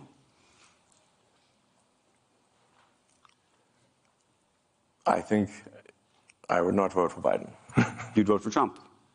I'm not saying I'd vote for Trump, but I mean, this is, this is definitely a difficult choice here. You know, would, would you uh, would you vote for Nikki Haley? Nikki Haley, by the way, wants uh, all social media um, names to be exposed, as you know. No, I think that's outrageous. Yeah, no, I, am not going to vote for some pro censorship candidate. Uh, like I said, I mean, I think these you have to you have to you know consider that there is a lot of wisdom uh, in these amendments. You know, I mean the Constitution, um, and and uh, you know a lot of these a lot of things that we take for granted here in the United States that don't even exist in Canada. There's not no constitutional right to freedom of speech in Canada. So, you know, so, and, and there's no Miranda rights in Canada. People like think like, you know, you have the right to remain silent. You don't actually in Canada. Um, so, you know, half Canadian. I can you know, say these things, I suppose. Um, but, you know, so, so like, you, you just got, you, you, the freedom of speech is incredibly important. Um, even when people, and like, like I said, it's, it's, it's actually especially important. In fact, it is only relevant when uh, people you don't like can say things you don't like. And do you uh, think uh, right now that they're meaningless? You think right now uh, the Republican candidates or the Democrats are more inclined? I mean, this is where you go to, I assume, to to to woke and anti-woke and the mind virus issue that you've talked about. Which party do you think is is is more pro freedom of speech, given all the things you've seen? Because yeah. we also uh, see, you know, yes. DeSantis, uh, you know, preventing people from reading certain things. Maybe you maybe you think that's that's that's correct. No, uh, look, we, we actually are in an odd situation here where, uh, on balance, uh, the Democrats appear to be more pro censorship than the Republicans. Um, and that used to be the opposite. It used to be, you know, uh, the left position was freedom of speech. Um, you know, uh, I believe at one point um, the ACLU even de- de- defended the right of someone to claim that they were Nazi or something like that. You know, so like there were, there really were uh, like the left was freedom of speech is is, is fundamental. Um, and uh, I mean, my at least perception, perhaps it isn't accurate, is that um, the pro censorship is more on the left than, than the right. Um, we certainly get more complaints from the left than the right, let me put it that way. Um, so, um, but my aspiration for the X platform is that it is the best source of truth, or the least inaccurate source of truth. Um, and well, you know, I don't know if you will believe me or not, but I think honesty is the best policy, and I, I think that the truth will win over time. And the, you know, we've got this, this great system, and it's getting better, called Community Notes, uh, which is fantastic, I think, at correcting uh, falsehoods uh, or, or, adding context. In fact, we, we, make a point of, of not removing anything, but only adding context. Now, that context could, could include that this is completely mm-hmm. false, and here's why. Um, and, and, and no one is immune to this. I'm not immune to it. Advertisers are not immune to it. In fact, we've had community notes, which has caused us some loss in advertising, speaking of loss in advertising revenue. Um, when, if a community note, if, an, if, if, if there's false advertising, the community note will say, this is false, and here is why. Um, I mean, like, and there's one specific example that is public knowledge, so I'll mention it, which is at one point uh, Uber had this ad uh, which said, earn like a boss. Uh, and it was community noted, if by boss you mean $12.47 an hour, this, this did cause at least a temporary suspension of advertising from Uber. I, I got to ask um, you a um, question that might make everybody in the room uncomfortable or not uncomfortable, but it goes to the free speech issue. Uh, the New York Times company and the New York Times uh, newspaper, it appeared over the summer uh, to be throttled. What, what did? The New York Times. Uh, well, we, we do require that um, that everyone has to buy a subscription and we don't make exceptions for anyone. And, and I think if I want the New York Times, I have to pay for a subscription and they don't give me a free subscription. So I'm not going to give them a free subscription. But were you, but were you throttling the New York Times relative to other news organizations, relative to everybody else? Was it, was it, was it specific to the, to the Times? It, they didn't buy a subscription. Uh, by the way, it only costs like $1,000 a month. So if they just do that, then then they they're back in back in the saddle. But but but you are saying that it was throttled. No, I'm saying. I mean, was there a conversation that you had with somebody? You said, "Look, you know, I'm unhappy with the Times. They should either be buying the subscription, or I don't like their content, or whatever." Whatever. Any organization that refuses to buy a subscription uh, is is is not going to be recommended. But then, what does that say about free speech? And what does well, that say about like amplifying free certain, certain exactly voices? Free. It costs a little bit. Right, but that, that's it. But that's an interesting. You know, it's like it's like in uh, South Park uh, where they say, you know, freedom isn't free; it costs a buck or five or whatever. Um, so, but it's pretty cheap. Okay. Um, it's low cost, low cost freedom. I got a couple more questions for you. Um, you're headed back to Texas uh, after this Freedom uh, to launch uh, the Cybertruck. Yeah. It's going to be a big launch. But I wanted to ask you right now, uh, more broadly, just about the, the car business and what you see actually happening. Um, and specifically, the government put in place lots of policies, as you know, to try to encourage uh, more EVs. And one of the things that's happened uniquely is you have now a lot of car companies saying, actually, this is too ambitious for us. These plans are too ambitious. 4,000 dealers, I don't know if you saw just yesterday, sent a letter to the White House saying, this has gone too far. You're going too far. You had this. anti-EV. It was an. It was. It was uh, this is going too fast, too far, and that there's not enough demand. Our, uh, underneath all this is this idea that maybe there's not enough demand for EVs. That the American public has not bought into the. I mean, they bought into it with, with, with your company, but they haven't bought into it broadly enough. Well, I think if, you make a compelling electric car, people will buy it. No question about it. Um, I mean, electric car sales in China are gigantic. Um, that's by far the biggest category. Right. Um, and I think that would be the case. You know, um, I mean, it's worth noting. uh, Okay, so, so the, probably the best refutation of that is that the Tesla Model Y will be the best-selling car of any kind on Earth this year. Of any kind, gasoline or otherwise. Is there another car company that you think is doing a good job with EVs? I mean, I think the Chinese car companies are extremely competitive. Um, by far, our toughest competition is in China. So, um, I mean, there's there's a lot of people who, who out there who think like the top ten car companies are going to be Tesla, followed by nine Chinese car companies.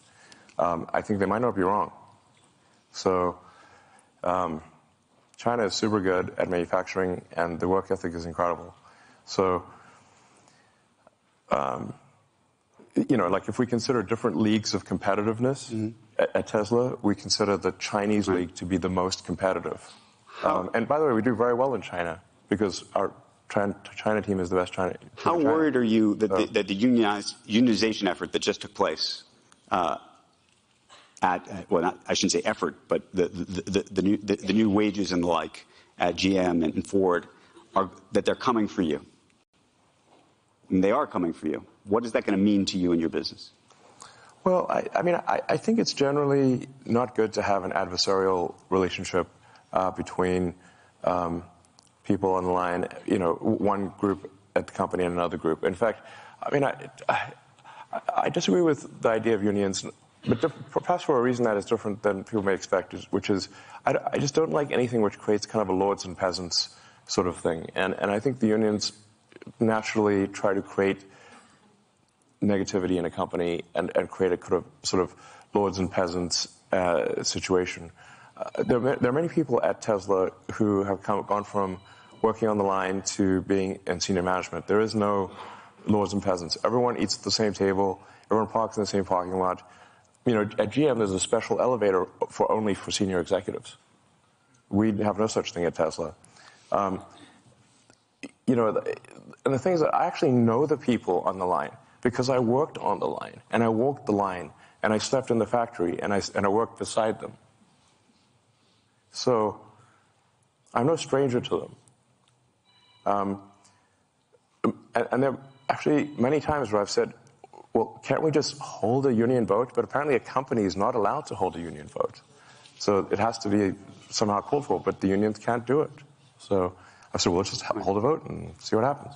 Um, it- the, the actual problem is, is, the, is, is the opposite. It's not that people are trapped at Tesla building cars. The, the, the, tra- the challenge is, is how do we retain great people to do the hard work of building cars when they have like six other opportunities that they can do that are easier? That's the actual difficulty, is, is that building cars is hard work and, and, and there are much easier jobs. And I just want to say that I'm incredibly appreciative of those who build cars, and they know it. Um, you know, so there, there's, there's, I don't know, maybe there will be unionized. If, if, if, if I say like, if Tesla gets unionized, it will be because we deserve it and we failed in some way. Um, but we, we, we certainly try hard to you know, ensure the prosperity of everyone. We give everyone stock options. Um, we've, we've made many people who are just working the line, who didn't even know what stocks were, we've made them millionaires. Um, so We're going to run out of time. Final couple quick, quick questions.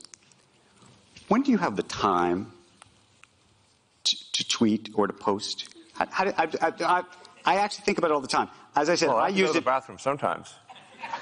I use it all the time. Meaning, if, if we were to if we were to open up our phones and look at the screen time, what does yours look like? Well, about every three hours, I uh, make a trip to the lavatory. And that's the only time you do this. Seems like you're on there a lot. No, I mean, I, I, there'll be like brief moments between meetings. Um, I mean, it's not, obviously, I've, I have like 17 jobs, so, you know, and, um, no, no, I- I guess technically it's work at this point. It is, but, I, Uh, but I'm thinking just in terms of your mind share. I mean, by the way, there's a lot of people who should be working who are on, who are on Yeah, this te- app. technically, posting on Twitter is, or, or X is, is work. It does count as work. So that's, you know, there's that. Um, uh, but no, I mean, I, I think I'm on. Well, I, I guess usually, probably I'm on for longer than I think I am. But what, I know, but do you Uh, that's you five hours the- a day, If you look hours? at the, the screen time of like number of hours per week, sometimes that's a scary number. Um, it's probably I don't know, it's a little over an hour a day or something like that. Just an hour a day. If we really looked at this together, do you have your phone with you? Yeah. You want to look? Okay. Okay, here we go. You ready? Screen time. Hit yeah, general. Screen time. Sometimes this is a scary number, but I know. That's why I, I thought. Uh,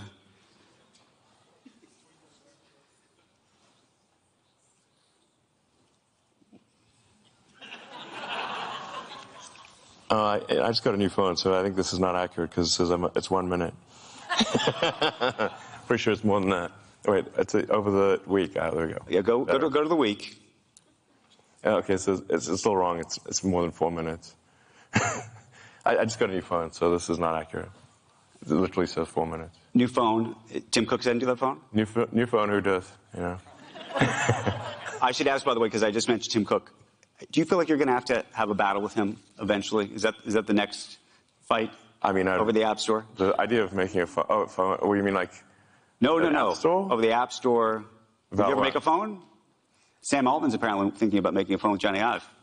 I mean, I don't think there's a real need to make a phone. Uh, I mean, if there's a essential need to make a phone, I'd make a phone. But I got a lot of fish to fry.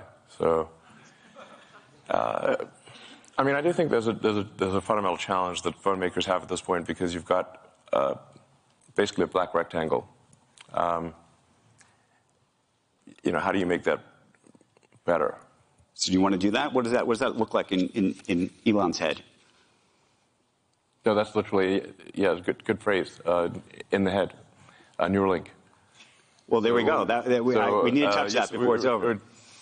you know, the, the best interface would be a, a neural interface directly to your brain. Um, so that, that would be a neural link. How far are we, do you think, from that, and how, how excited or scary does that seem to be? And we read these headlines, obviously, about uh, monkeys who died, as you know. How, what should we think about that? Uh, yeah, actually, the, the, this is the, you know, the, the USDA inspector who, Mm-hmm. who came by the Neuralink facilities literally said in her entire career she has never seen a better animal care facility. It is, we are the nicest to animals that you could possibly be, even to the rats and mice, even though they did the plague and everything. Um, so uh, it is it is like monkey paradise. Um, so uh, the, the, the, the thing that gets conflated is that there were some terminal monkeys where you know this is long, this is actually several years ago where the monkeys were about to die. And we're like, okay, we've got an experimental device. It's the kind of thing we should only put on a monkey that's about to die. And then, you know, now the monkey died, but it didn't die because of the neural link. It died because it was, you know, had a terminal case of cancer or something like that.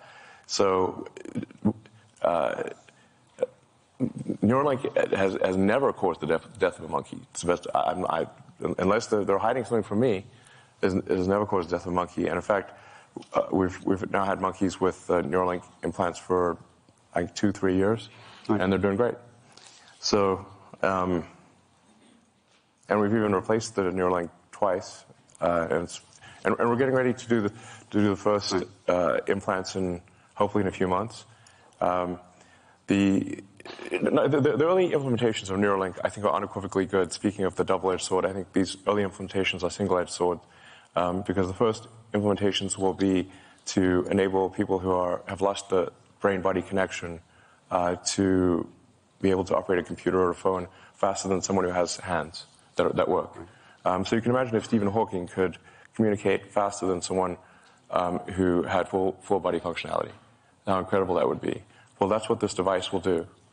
Um, and we should have proof of that in a human, uh, hopefully in a few months. Um, it already works in, in, in, monkeys and works quite well um, with, with, monkeys that can play video games just using just by thinking. Um, so, and the next application after um, the the sort of those you know dealing with tetraplegics and quadriplegics, quadriplegics is going to be um, vision. Vision is the, the next thing. So it's like if somebody is like has um, lost both eyes or the optic nerve has failed, basically where there's they have no possibility of having sort of some ocular correction, the, that, that will be the next thing uh, for Neuralink is a direct uh, vision interface. And, and, in fact, then you could be like Geordi LaForge from Star Trek. You could you could see in like any frequency actually. You could see in radar if you want. Two final questions, uh, and then we're going to do, uh, end this conversation, which I think has taken everybody inside the mind of Elon Musk today. Not as well as Neuralink will, though. um, it actually goes to self-driving cars and vision and everything else. Um, and I asked this question of Pete Buttigieg, uh, Transportation Secretary. It's actually something you retweeted, so I wanted to ask you the same question. Um, there's a big question about autonomous vehicles and the safety of them. But there's also a question about when it will be politically palatable in this country for people to die in cars that are controlled by computers, which is say we have 35, 40,000 deaths every year in this, in this country. Yeah. If you could bring that number down to 10,000, 5,000, that might be a great thing. But do we think that the country will accept the idea that 5,000 people, that your family, uh, might have, have, have perished in, a, in a, a vehicle as a result not of a human making a mistake, but of a computer? Um, yes. Well, first of all, humans are terrible drivers. Um, so people text and drive, they drink and drive, they get into arguments, they, you know, um, you know, they do all sorts of things in cars that they should not do. Um, so it's actually remarkable that there are not more deaths than there are. Um, what we'll find with computer driving is, I think, probably an order of magnitude reduction in deaths. Um, I think now, and the U.S. has actually far fewer deaths per capita than the rest of the world. If you go worldwide, I think there's something close to a million deaths per year due to uh, automotive uh, accidents. Um, so I think computer driving will probably drop that by 90% or more. It won't, it won't be perfect, but it'll be 10 times and better. do you think that the public will, will, accept that? Do you think the government will accept that? Well, at, at, in, in, large numbers, the, it, it, will simply be so obviously true um, that it, it, really cannot be denied. And what do you um, think? I know we've talked about the timeline before. And I know people have criticized you uh, for putting out timelines that may not uh, have come true just yet. But what do you think it really yeah, I mean, is? And, I mean, and, and, by the way, do you feel? Do you ever say to yourself, "Oh, I shouldn't have said that"? Sure, of course. Um, wait, I should have said that. um, so, uh, yeah, I. I mean, I'm optimistic about. I mean, I'm, I'm, i think I'm like naturally optimistic about timescales, and if I was not naturally optimistic, I wouldn't be doing the things that I'm doing. Um, I, I, mean, I certainly wouldn't have started a rocket company or a, like right. a car company if I didn't have some sort of pathological optimism, frankly. Um, so, um, as you pointed out, many people said they would fail, and in fact, I, I, actually I agreed with them. I said, yes, it probably will fail, and they're like, hmm, okay. Um, but I, I, thought SpaceX and Tesla had less than a 10% chance of success when we started them. Um, so, yeah. Anyway, but but the self-driving thing is, is I've been optimistic about it. We've certainly um, made a lot of progress. If anybody has tried the very, has been using the sort of full self-driving beta, the progress is, uh, you know, every year has been substantial. Um, it's really now at the point where, in most places, it'll take you from one place to another with no interventions. Um, and the data is unequivocal that uh, that supervised full self-driving is somewhere around four times safer, or maybe more, than than just human driving by by themselves. Um, so I'm, I'm, I, you know, I, I, can certainly see it coming. What, what, actually, really, but do you think it's another five or ten years? I mean, people. No, say, no, no, definitely not. Uh, definitely not.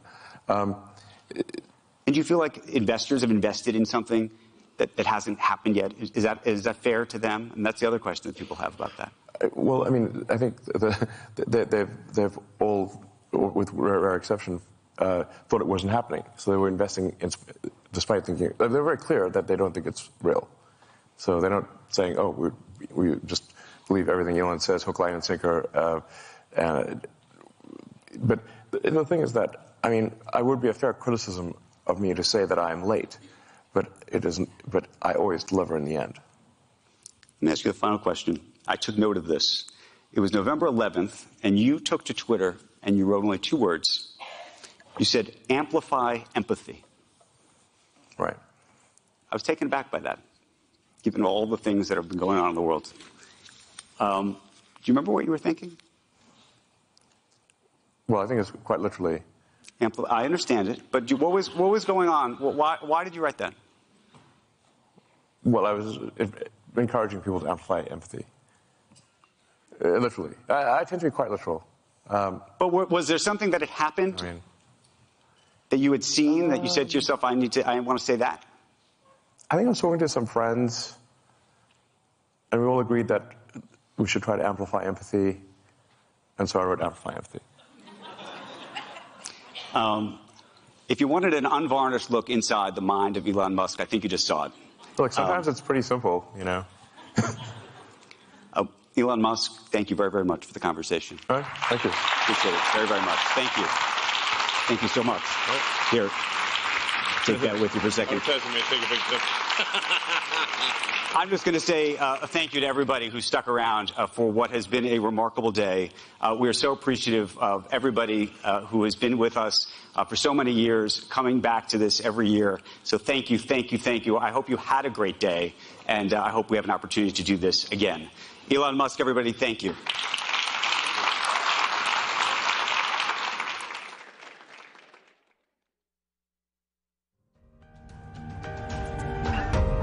Pretty much universally, social science suggests that many of the institutions that we hold dear that shape us, that provide us social support, a huge amount of this used to happen anyway inside of these traditional religious structures, and there really has been nothing to replace it. We're talking about what the self is here. I mean, atheists believe in the self.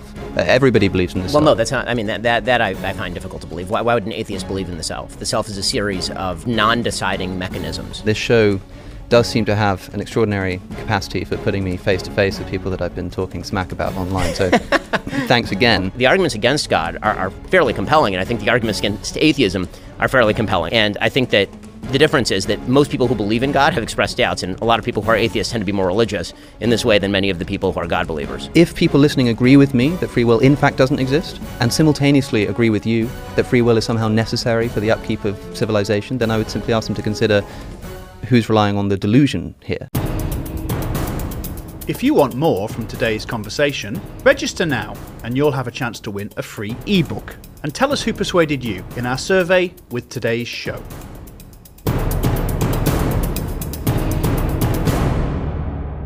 Welcome to the Big Conversation, part of Premier Unbelievable's roster of shows brought to you in partnership with the Templeton Foundation. I am your host, Andy Kind. Today, we are talking about a uh, very interesting topic. The question is Is religion good or bad for society? And I've been joined by two uh, very dapper chaps. Ben Shapiro and Alex O'Connor, who some of you, most of you maybe, will be completely aware of. We're going to have a very substantive conversation. I'm going to introduce them first. I'm going to give a little summary on, on who they are and uh, stop me if you've heard this before. So, Ben Shapiro is a prominent American conservative political commentator and columnist. Okay, so far? So far, so good. a graduate in political science from UCLA and the Harvard Law School, Ben has authored over a dozen books, including the number one New York Times bestseller, The Right Side of History How Reason and Moral Purpose Made the West Great. He is co founder and editor emeritus of The Daily Wire and host of the aptly titled Ben Shapiro Show, which in 2021 was ranked in the top 10 most listened to Apple podcasts. He also has a YouTube channel with over 6 million subscribers. Kudos to you, sir. Joining Ben today is Alex O'Connor. Alex O'Connor is a YouTuber and host of the Within Reason podcast, a philosophy platform designed to present philosophical discussions in an accessible format. A graduate of philosophy and theology from St John's College, Oxford University, he is also an international public speaker and debater having defended his philosophical convictions against a wide range of experts across multiple continents, and whose online video material has been viewed more than 70 million times. Is that true? It might be more now, actually, oh, depending oh, more, on, on, on more than 70 million times. That was written. yeah, that's great. Well, it's great to have you both. Thank you both for taking the time. And uh, for both of you, I'm a long time listener, first time caller. So hopefully, we're going to have a, a, lot of good stuff uh, to say. We're talking about religion and society and um, how they interconnect. And we want to know, really, and I'd like to get this settled once and for all at the end of this conversation so nobody else ever has to discuss it if we can. Is religion good for society? Can a society hold together if there are no underlying beliefs that everybody shares? And we're going to be exploring what both of you believe are the most important principles undergirding any civilization. What are the foundations of morality and ethics based on? So, without further ado, let's let's start. I'm not going to go into backstory too much because most people will be aware of, of, of who you are, and there'll be a lot of uh, fanboys and girls out there watching. Um, but let's talk about something that Ben you have um, spoken on, and Alex you have responded to. This idea of the atheist delusion. Ben, could you sort of concisely, if you can, um, talk about what you mean by the atheist delusion? Sure. So I should start off by saying I don't actually think that it's possible to prove the existence of God. I'm also not a believer that you can disprove the existence of God. I don't think that logical argumentation is going to get you there one way or another. And so I'm not going to try and do that with, with Alex today because I think that if people would have been able to provide dispositive proofs, then people would believe them. And if people were able to provide dispositive proofs that God does not exist, then people would be more apt to believe those as well. The, what I think is a, an atheist delusion is that it is possible to live ideologically purely in a way that does not rely on fundamental faith principles. When I say faith principles, I'm not going to make the claim that those faith principles are direct from Sinai or that those faith principles require the New Testament, for example. I'm going to make the claim that there are a bunch of principles upon which we base ourselves that are external to what we know about nature and evolutionary biology. And that many of the things that Alex does in his daily life, for example, are going to be things that rely on principles that are external to a philosophy that would assume a lack of the supernatural, a lack of the the extra natural. Um, so some of those principles, for example, are free will. So every day we get up, we believe, virtually all of us, whether we whether we say we believe it or not, we actually act in ways that that betray the idea that we believe that we have control over our own actions, at least to a certain extent, and that that control makes a difference in the world. And that's what gives us purpose. It's what allows us to wake up in the morning and, and make the decision to do what we believe is right or what we believe is wrong. That the principles of right and wrong are external to evolutionary biology. So both of these principles that I've mentioned already, free will, right and wrong, these come from a language that is external to the, the Darwinian language of evolutionary biology. If you're talking about free will, there is nothing in nature that suggests the ability to make a decision free of environment and genetics in combination in some sort. the same thing is true of right and wrong. The idea that there is a right and there is a moral wrong that we can reason our way to. Another principle that I think that you're obviously very big on. It's something that you rely on all the time. Your entire podcast is is based on the idea of reason.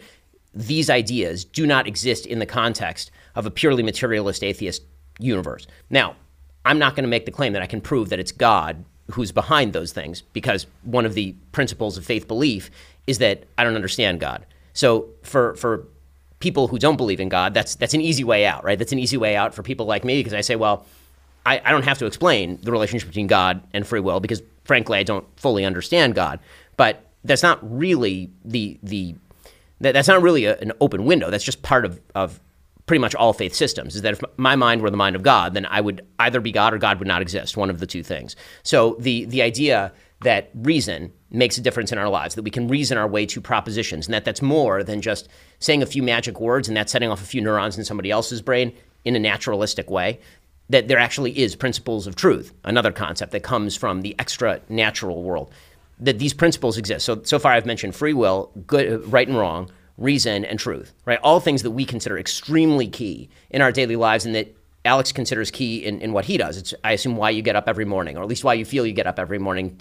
You know, what, what, what gets you up to do your podcast? It's because you want to say things that you believe are reasonable, are going to convince people to act in a better way, or I assume not a worse way, that, that get people to, to change their lives in some way in a self motivated fashion that's not merely in a, a, sort of Pavlovian response to circumstance and environment. So if I were going to talk about the atheist delusion, that's what I would suggest is the delusion that, that, that an atheist can use terminology that is drawn from a world that is external to atheism for itself. And again, that's not an argument for God, even. That's just an argument against atheism. Again, I think the, the arguments against God are, are, are fairly compelling, and I think the arguments against atheism are fairly compelling. This is one of the things that I've said to Sam Harris.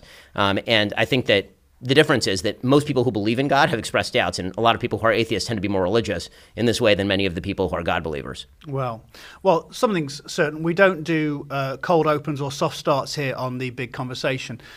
Alex. Well, I am glad to begin on a point of agreement with you, Ben, that uh, yes, if there is no God, there is no free will, but I think that's because of the truth of, this, of, of, the latter of those statements. That I suppose the biggest criticism that I made of you in a, in a video response that I made to the atheist delusion, and, and this show does seem to have an extraordinary capacity for putting me face to face with people that I've been talking smack about online. So thanks again. By the way, I should say it's a great video, and everybody should watch it if they haven't. Well, uh, i am going to put that. Uh, put that in the description. I think that that glowing endorsement. Uh, the principal disagreement that I think I had with you, Ben, is that there was a subtle, or not so subtle, implication in my view that yes, uh, with no God, there's no free will. But somehow having God can solve this problem. I mean, you said a moment ago that you don't think you can establish God's existence through reason alone, but uh, assuming that you do believe in the existence of free will, you think it's a real thing that you have. Yes. And uh, simultaneously saying that if there is no God, then free will makes no sense. Yes. That does read to me like an argument for God's existence, such that in order to to to either say that there is free will. In, in, order to say that there is free will, one must believe in God, and and that does strike me as well, I mean, an argument to, for God's existence. I mean, to, to slightly curve that, or, or to, to kind of sand off the, the rough edges there, I would say that the argument I made is, is an argument for something extra natural. Sure. Now you can call okay. that God or not God, but but the but the, the thing that I'm making the argument for is that you cannot get from a materialist Darwinist universe to yes. free will. That is not possible. So I know that the way you solve that is that you say that there is no free will. That's right. And what I'm saying to you is you don't act that way. I hear this all the time. People say, look, you may say there's no free will, but you don't act as though that's the case. I, I, I, suppose that I'm just confused as to what it would look like for somebody to act as if they believe there was no free will. I mean, the very argument that there is no free will that I subscribe to, at least one of the various mm. forms that it takes, is a, a, sort of Schopenhauerian view that you can do as you will, you just can't will what you will. And that you are essentially just a biological machine reacting to its uh, to, to its internal and evolutionary drives. That's what's happening. Now, call that nihilistic if you like. That's a separate question. But as to the question of how this would make one act, the idea that this might uh, cause us to sort of lay around in bed all day or something, the very mechanism that I think is responsible for eliminating the possibility of free will, that is, the drives that make people do what they do, like I say, do exactly that make people do what they do. They make them get out of bed in the morning. Why do you get out of bed and go and make your breakfast if there's no free will? So you go and get breakfast because there's no free will and something is driving you to do that that's outside of your control. For sure. So the so to get back to the nihilism point, which you kind of put aside, so that, that means that this conversation is essentially worthless in any sort of real sense. I mean, effectively, we were driven here by evolutionary biology and environment to have this conversation. Everybody who's watching this is driven by evolutionary biology and and environment to have a particular reaction to that thing, and ever round the cycle goes. That seems like a very purposeless life. Maybe that's maybe the, again, I'm drawing from a realm that is not evolutionarily bio, biologically you know, connected. The, the, word purpose is is really teleology. Obviously, has been taken out of the realm of science pretty thoroughly by by atheists and by, by many people in the sciences, although I, I, would argue that, again, most scientists speak in the realm of teleology literally all the time, and they're yes. borrowing language from the language of teleology, even when they're describing functions of particular body parts, right? The heart pumps blood in order to right. keep you alive, right? They're, they're, constantly using language that's teleological in nature. Mm-hmm. Um, the, the real question that I have, and this, this is what goes to the question that you were asking at the beginning, before the, the sort of pre-question question, which was the good of religion to society, one of those goods is people believing that their free will matters and this mm-hmm. actually is a useful thing. So I believe that it is deeply important for people in society to believe that they have the capacity to change themselves and to make different decisions than what biology would drive them to. So you say, well, it's biology that drives you to get out of bed in the morning, which is almost Calvinist in, in sort of the, the, mm. the, way that it's described, right? It's like you're predestined to get out of bed in the morning, so thus you get out of bed in the morning. But the reality is that we are constantly making decisions as though those decisions make a difference in the universe. And what social science actually does tend to show is that when people believe that they have control over their own actions, that when they believe that they're, they're capable of changing the way that they live, they do make those changes with more alacrity and in better directions than if they don't believe that. If people tend to believe in a deterministic universe, they do act worse. So it may work. This is, this is going to be sort of Straussian in its implications, but the, that may work for you you're a very high IQ individual who can somehow reconcile the idea of living a very purposeful life with the idea that actually there's no purpose to anything. Mm. But for the vast majority of people, that is not actually how they live. And I would suggest that even in your daily life, you don't get out of bed in the morning thinking, man, my biology is driving me this morning to get on the bike, have a great day, the sun is shining. That's my biology doing this. And I don't think that, that most people who live purposeful lives, even if they believe that everything they're doing is predetermined by the world around them, by their own biology, I, I don't believe they actually feel that. They have to engage in what they themselves would, would term an illusion in order to feel a, a, sense of purpose and meaning in their lives. Of course, but that's what the evolutionary process, in my view, in my worldview, I should say, has done so well, is provide precisely that illusion. I mean, it, it's not as that, I mean, you say, look, you don't get out of bed in the morning thinking, gosh, you know, look at my biological. My neurons drive. are firing. Yeah, uh, of, of, course not, because if I did, then the whole evolutionary purpose that this this illusion serves would fall away. I mean, you say that this is a fairly purposeless life, and, and perhaps a, you know the implication is that it's a bit of a depressing one. Uh, I, I, didn't come here to I- inspire optimism in people. I just think it is in fact the case. By the way, it is in fact the case that free will doesn't exist, and and we may feel very uh, nihilistic towards that, but uh, uh as a wise man once said, facts don't care about your feelings. and I will say that the argument against free will, in my view, is based upon something broader than just scientific analysis or empirical research. Rather, we can build an argument, I think, from, from a law of logic, the, uh, the proposition that, that P must either be true or false, and it can't be both, it can't be neither. It has to be one or the other. Now, this law of the excluded middle, one of the, one of the foundational precepts of, of, of philosophy, we can simply ask a question of any kind of mental activity and, and this will be regardless of whether it's material or immaterial. That's what makes this a crucial argument and an important one, a pertinent one, is that you can ask if that uh, of that mental activity is it determined or is it not? That is, is it determined by anything else or is it completely undetermined by anything? If it's undetermined by anything, then it's random, and you're by definition not in control of that which is random. If it's determined by something, then it's either determined by something further inside your mind or inside your brain or indeed inside your soul, or it's determined by something external to your brain. If it's determined by something external to yourself, I should say yourself rather than your brain here to uh, rid this conversation of uh, any implicit materialism, exterior to yourself, if that's what's determining the action, then clearly you're not in ultimate control of that action. If it's something inside of yourself somewhere, then all you do is push the problem back and you ask the question again Is that thing determined or is it indeterminate? So indeterminate, it's random, determined. You keep going back until you either terminate in something outside of the self, something uh, or, or, I suppose something undetermined and therefore therefore random, either of which you are completely out of control in. If you say that it terminates in something like a soul, people like to do this. They say, well, look, with a religious philosophy, we have the benefit in, of introducing a soul. That doesn't solve anything. Because you still need to, it's not, a, it's not a matter of having to explain the mechanism by which the soul brings about actions. That may well be a mystery. But if it is the case that whatever it is that's doing that is either determined or it's not, and that if it's not, it's random and therefore out of your control, and that if it is, it ultimately terminates in something outside of yourself hmm. or something random, and both of which are out of your control, free will cannot exist. Well, and th- so, so I would that, be that careful. argument does that does argument that, that argument does rely on the complete deconstruction of the self. Right? I mean, you're using the, the term self in, in this argument in I think a couple of different ways. You're saying something outside yourself, but then you're breaking down the self into a bunch of separate components, as though the self is a computer. Right? As if you, if you took the self and you broke it down into a machine, and there, there's like the micro, there's the microchip, and you've got the processor, you've got, you've got all these different parts of it. So it has to be coming from here, or it has to be coming from here. But I think the very idea that we have of ourselves as selves is as a deciding being. And so the the attempt to carve that down into so which parts of the deciding being, that is an avoidance strategy. So I, I don't think that the argument quite holds. Well, if we I mean, can call the self just a, a, A deciding a being. deciding a being, deciding being. then that sort of fundamental assumption that we make about the nature of the self, I don't think is going to be incompatible with atheism. how so? Uh, b- because we're talking about what the self is here. I mean, atheists believe in the self. Uh, everybody believes in the Well, self. no, that's not. I mean, that that, that I, I find difficult to believe. Why, why would an atheist believe in the self? The self is a series of of of non-deciding mechanisms, as you've described. I see that your view of the self is is an atheist view of the self, a a, meatball wandering through space, as I've put it somewhat colorfully. The the sort of Spinoza idea that, that you're a stone that's been thrown, and, and you can comprehend that you've been thrown, but you're a stone that's been thrown, and that's just the way that it is.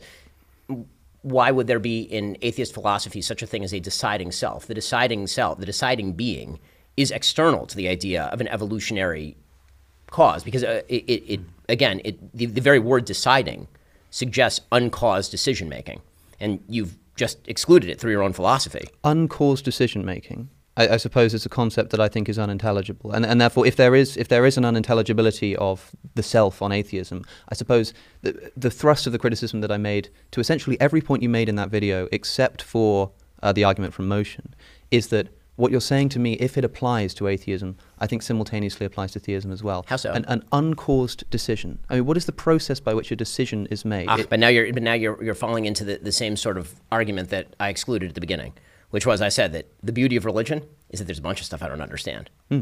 So I can't explain to you how the uncaused self makes decisions. well, then I can't explain to you how the uncaused self exists on an atheistic But you have a framework. burden and I don't. Meaning I- that I don't think that's the case. You, you do though. I mean, the, the, the simple fact is that you are the one who's claiming that a reasonable materialist universe is the cause of all. And so, if that's the case, you do have to explain the mechanism in a way that I certainly do not. My entire philosophy rests on the on the positing of an entire realm of things I don't understand in terms of their interaction with the world. Now, as I said at the very beginning, that leaves me a giant escape hatch. I'm not going to mm-hmm. pretend that that's not a giant escape hatch. It, it acts in practice as a giant escape hatch. It also tends to act as a fundamental principle of faith, right? Again, in, in every moral realm, right? When, when we get to the problem of good and evil, right? One of the big questions is, well, how can God allow evil to, to take place in the world? And the fundamental religious answer, as it has been for thousands of years, is my mind is not God's, which is a giant escape hatch. It also happens to be true from a religious point of view. So, if I may, that there are uh, two sort of escape hatches here. There are two appeals to mystery going on here, and it seems to me that what you're saying is something along the lines of uh, my appeal, my, my simple appeal to mystery here is disallowed in the way that you're allowed to appeal to this Yes. this, this mystery because I'm the one making the claim. I think that in No, the not con- because I'm the one making the claim, but because the I'm the one with the burden. y- I- In the context of this sorry, I'm, discussion- I'm, I'm missing the who's the you and the who's the the I in yes, a sense, but yes, I, see what, I see what you mean. I'm, I'm speaking for myself there. Sorry. Um, if in the context of this discussion, this this began the the subject which you, I think is the first one you bring up in this video, free will. Here's this thing that I think exists, and on the basis of its existence, think entails the existence of a god, or, or at least points to the existence of a god. I shouldn't say entail. And then when I say that I don't think that the, the concept of free will is, is uh, intelligible, and you say, well, how is it intelligible on atheism? And I say, I'm not sure it is, but it's not on theism either. And you say, well, there's my escape hatch. I can appeal to mystery. I don't think the burden is on me there. I think you were the one who's making the claim that free will does exist, that there is this mysterious property of the Mm, universe actually, that's that not- that's escapes this, That- so- determined or indetermined dichotomy. And then when I say that this is uh, this this is unintelligible to me, and and based on what I see to be fundamentally appeal to a law of logic. Suddenly, I'm the one making the claim. I'm the one with the So- burden who has to do the proving. No, the I actual, don't the actual that claim that I originally made, if you if you recall, was a conditional claim. Mhm. I did not claim free will exists, therefore God. I claimed if you believe free will exists, it cannot exist in a materialist universe. Now hmm. you say, okay, fine, it doesn't exist in a materialist universe. I don't believe in free will. Yes, that's fine. That's totally plausible. As I said right at the top here, mm-hmm. I'm not going to prove to you that God exists today. What I am going to say is that the vast majority of people throughout nearly all of human history have believed there is a thing called a self. It is a Yes. deciding self that makes these decisions. If you are a person who believes that, you're right. It can't exist in your world. So I'm not saying that it does exist. Maybe it doesn't. Maybe you're right. Maybe you're totally right. And all of this is just a series of chemical firings. That's quite plausible. That's fine. What I have said, and this is the argument that, that hasn't yet been rebutted, is the is the that society does require an extraordinary number of people to believe that they are capable of making decisions for the good or for the bad. Because, hmm. again, not everybody is you. Not everybody is capable of waking up in the morning, putting one half of their brain on hold, the, the side that says, what I'm doing today doesn't matter, and we are all going to wind up in the cosmic nothingness of space anyway, and the sun's going to explode and eat the earth.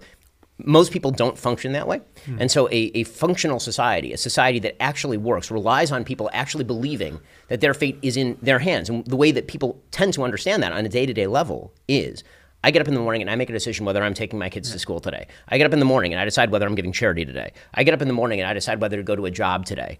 Because the truth is that for, for a huge number of people, and I would say this is true for virtually, not virtually all, many, many, many, I would say the majority of people, if they were informed since the time they were small that their decision making process does not exist, there is no decision to be made. Whatever's going to happen is going to happen. Those decisions have no moral weight in the universe because the universe has no moral weight. There is no way to create a functional society on the basis of these premises. There may be, there may be a Platonic world where philosophers you know, can, can think about this in the gardens of their imagination and feel great about it. But that, that's not actually how society functions, not for children, not for teenagers, not for adults. And we're going to go on and talk about that in the second section. Um, I had free will to ask any of the questions I've had written down here, but I just didn't want to. I didn't want to stop either of you. It's been breathless and captivating. I'm sure you'll agree. Um, before we go to our first break, we are going to go on and talk about society and how morality undergirds society and civilization. May I just say, bef- just, just I know we're coming to the end of the section. Uh, just to just to close off this this this moment, that uh, if people listening agree with me that free will in fact doesn't exist, and simultaneously agree with you that free will is somehow necessary for the upkeep of civilization, then I would simply ask them to consider who's relying on the delusion here. You know. Yeah. And and I don't mean that I- as no, an I- insult, but you I- see what no, I'm saying, right? I, I, I totally agree. And so, for my argument, you would be, and from your argument, I would be. Meaning, I, I think that you, that you are delusional. There's no free will, and you think I'm delusional in the sense that that there is no free will, and yet I believe in it. Yeah. Something like yes. that. Yeah. So for you, Alex, just before we go to the break, then, because we're trying to break it down, we've got two insane minds here, really kind of uh, grappling, and uh, I feel as though I've won a prize in a competition just to be here sitting with you both. Um, to break it down for the viewers, Alex, would you say that free will is maybe, if there is no such thing as free will, is it nevertheless a helpful fiction for people, a convenient narrative that we can cling to to sort of uh, bat away despair? precisely why it evolved, in my view. I, I, I think I totally understand that, but the, but because it evolved so strongly, uh, I will say that we are all, if we are sort of delusory in our belief in free will. I mean, uh, you're quite right in saying that I, I act as if free will exists in the sense of not constantly being aware that it doesn't. I don't wake up and do those strange morning affirmations that you mentioned into the mirror about, you know, the, the sort of Maybe- heat death of maybe- the universe. But, maybe you but should. people, people, I think it is good to reflect on, on your mortality in that manner uh, uh, every once in a while, and it, and it does inspire some some serious thought about whether you're really taking your philosophy seriously. But I will say that the the mechanism is so useful and has been so successful in embedding itself into our psyche that we cannot shake it off. So I can convince, I, I, I- I can have conversations with people as I do regularly, talking about the existence of free will, and they come away saying, you know what, that's extraordinary. Maybe you're right about this, and nothing about the way they live their life changes, precisely because of the fact that the very argument I'm making relies on the assumption that we will still be driven by our drives. All I'm doing is identifying what's actually going on there, in my view. It doesn't actually change what happens or what the brain indeed does. So the, the utility argument for what you're saying about free will is that the main utility in, in you saying these things is for people not to believe you in the end. We are predetermined to go to a break at this point. So um, we're going to continue this. Um, you're watching and listening to the big conversation from Premier Unbelievable with me, your host, Andy Kind. I've been joined today by Alex O'Connor and Ben Shapiro, and we are having a fascinating um, conversation about uh, religion and whether it's good or bad for society. There's lots more to come, so we'll be back after this short break. Enjoying the conversation? Tell us who persuaded you in our survey. And if you want more from today's conversation, then register to get early access to the next show.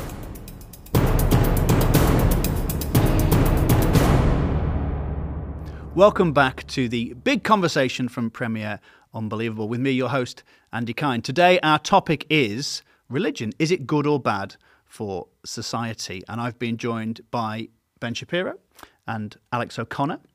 And uh, in the first section, we basically solved the problem of free will. That's that's done. No one need write on that ever again. So congratulations. Um, that's another credit for you. Yeah, I think on the delusion point, we we terminated in something like "and I know you are, but what am I?" Correct. Yeah. Yep.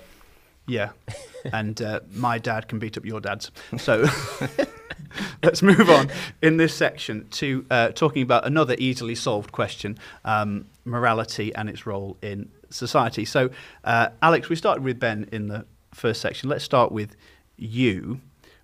What for you makes an outcome good or bad? And feel free to break that down, define things as you want. And how do we determine what is good and acceptable in society? Here is where I may disappoint you and potentially excite Mr. Shapiro in, in that I, I don't have a good answer to that question. I- In in that obviously attempts have been made for a long time to ground God uh, to ground good uh, outside of God. I must say that similarly to, to rehash the same theme, I think there are issues with with grounding good in God as well. I don't think that removes the problem. I, I don't quite know what good is if it indeed exists. I'm quite suspicious of the concept. I think it might be another one of these unfortunate, unfortunately quite nihilistic evolutionary uh, sort of illusions of a sort. I, I guess I, I ascribe to emotivism more than anything, which has sort of gone out of fashion in the past decade, but I think still has some some some truth to it in in a sense. It's um, more of a philosophy of language than it is a philosophy of of what good and bad actually is. Uh, What I do know, however, is that there are problems, I think, with trying to ground morality in the existence of a God, especially if it's done so on the grounds that it essentially can't be done mm. anywhere else. I mean, as far as I'm concerned, the religions of the world are false. I, I think that they are incorrect. That is, I don't think there really is a supernatural authority. And what that means is that the inventions of religious morality are just those inventions mm. and inventions of a human mind. Now, if you have a human morality that recognizes that it is, is essentially a series of compromises between the history of mankind trying to get along with each other on a planet, then what happens is sometimes these ideas and these philosophies rub up against the real world and we can, we can uh, adapt them as necessary. Now, there is, a, there is a deep problem with this, and that is if I meet a man who wants to kill me or a friend, and he says that he doesn't believe in God, there's very little I can do talk him out of that, except I can threaten him with legal sanction, I can threaten him with uh, moral reproach, exclusion from the moral community, but there's not much more I can do. However, if a person says that he wants to kill me, and he believes that he wants to kill me because God has told him to do so, then I don't even have that minimal approach, uh, reproach available to me. Because there is no law written by any man of any time that could ever count one iota against the dictates of the creator of the universe. Therefore, if that God in fact does not exist, and if these moralities are in fact human inventions, then what you have in the grounding of an ethical system in the dictates, allegedly, of the creator of the universe is all of the arbitrariness and subjectivity and, and failure and faults of nihilism and human invented morality, with all of the certainty and all of the faith and all of the unanswerability of the creator of the universe. That to me seems a dangerous cocktail that we drink at our peril. So, so many things there, and, and so much that you're saying is, is quite brilliant. I actually thought you were going in a different direction with that last example, which I'll explain in a second. So, Yeah, to, to start with the, the very beginning, obviously, the, the idea of right and wrong. Uh, so there, there, are many problems with the emotivism. Alasdair MacIntyre does a good job sort of breaking down the problems with the emotivism. Um, but the, the sort of idea that there has to be certain there have to be certain moral absolutes that are beyond contention, and those moral absolutes have to be universally accepted. You can ground that, I suppose, in a sort of descriptive universe. The problem is that to go back to your example, which again I think is a really interesting one, if a man comes to kill me, I think the, the, the real question of religion versus non religion in the utility sphere here is is it more likely that a man is going to come to kill you being a, a devotee of a religion that says that he must kill you? Or is it more likely that a man is going to kill you out of self interest because he is not a devotee of a, of a God who says that killing is wrong? So if you are faced with these two alternatives, uh, to kind of remove your example one step. The question is why the man has come to kill you. I mean, that's that's the, the your premise is the man has come to kill you because God told him to, and so he can't be dissuaded by force. Agreed. We see that full scale in the real world on a fairly regular basis. It is also true that over the course of human history, men have come to kill one another on the basis of self interest in extraordinary amounts of the time. Tribal self interest, particularly, having no particular relationship with God, just the idea that I want to kill you over territory, I want to kill you over resources, I want to kill you because you're not a member of my immediate kin family, or because you killed a member of my kin family, and so in revenge, I need to kill a member of your kin family. The entire, to, to borrow from your language, the entire sort of evolution of religion on a utility basis would have been to create moral absolutes that are applicable more broadly to than, than to you and your friends. Any morality that can be created on an individual level is inherently dangerous because you can immediately graft that morality onto your personal self interest. The entire purpose of religion, whether you want to ground that in evolutionary brain functionings or whether you want to ground that in revelation, the entire purpose of religion on a utility level is to remove morality from the purview of my special interest and to say, here are things that I cannot do, even if they are in my interest, because there is a higher power that says I cannot do these things. I think that a society that does not have these moral absolutes is in deep trouble a society that, that refuses to say that there are certain absolutes that cannot be crossed under any circumstances that are universally applicable, it reduces things that we all take for granted, like equal justice before the law, like the idea that the law is supposed to equally apply to everybody, whether they're a member of your family or whether they're not. And there are broad cultural differences in these questions. I mean, to pretend that all human societies have equality under law is obviously not true. It's not even remotely true, actually. Uh, there's a, a very good book called The Weirdest People in the World, all about the idea that we in the West have this sort of ethnocentric view of ourselves where we think everybody thinks like people in the West. But the truth is that because we are Western educated, industrialized, rich, and democratic, we have particular views of the world. Those views are drawn from a particularistic tradition. That particularistic tradition is biblical in nature. I mean, it is Judeo Christian in nature, even if you're just describing European society or American society historically speaking. So the, the kind of removal of God from the equation, your suggestion is that God makes a person impervious to countervailing responses? And my answer is yes, God does make a person impervious to countervailing responses, including the evils of one's own heart, if you truly believe that God is standing above you, telling you not not to do that thing. And again, social science tends to bear this out. People who believe that that God is is above them tend to give more charity, for example. People who tend to live inside religious communities, in religious within the religious community, and I, again, I'm not going to pretend that I think all religions are equivalent in their in their truth propositions because I don't. I mean, I, if if I did, I wouldn't be wearing a yarmulke, right? So that's just what it is. Inside religious communities, a lot of social bonds and a lot of social frameworks are built on the basis of this shared belief system. In other words, diversity itself, diver- self interest cannot always check self interest and it tends to tear apart societies and communities unless there is an orienting goal. That orienting goal traditionally has been performed by church. It's been traditionally performed by the idea that you are serving God together. And because of that, people build these, these social bonds, including the institutions of police, for example, to, to prevent people from, from killing each other because we now all agree that killing is wrong. And so we ought to have a third party that we can actually give the power to, to, stop, to stop that killing. So again, I think that the, the question of utility here is one of whether you think that the chief danger is that people are going to believe in a God who tells them to, mm-hmm. to kill in, in God's name, or whether you think that the chief, the, the chief danger is in man's own heart, and that man is going to be driven by his own self interest to commit murder and then call it something else. I think it's all very well and good when this religious tradition is protecting what you think is good But as we know, it can do the exact opposite, and it can do so with the same force. Sure. And I suppose the question we have to ask is whether this is a worthwhile trade off. That is to say, you know, that there may be uh, some social utility in, in putting our fundamental ethical assumptions outside of the realm of debate.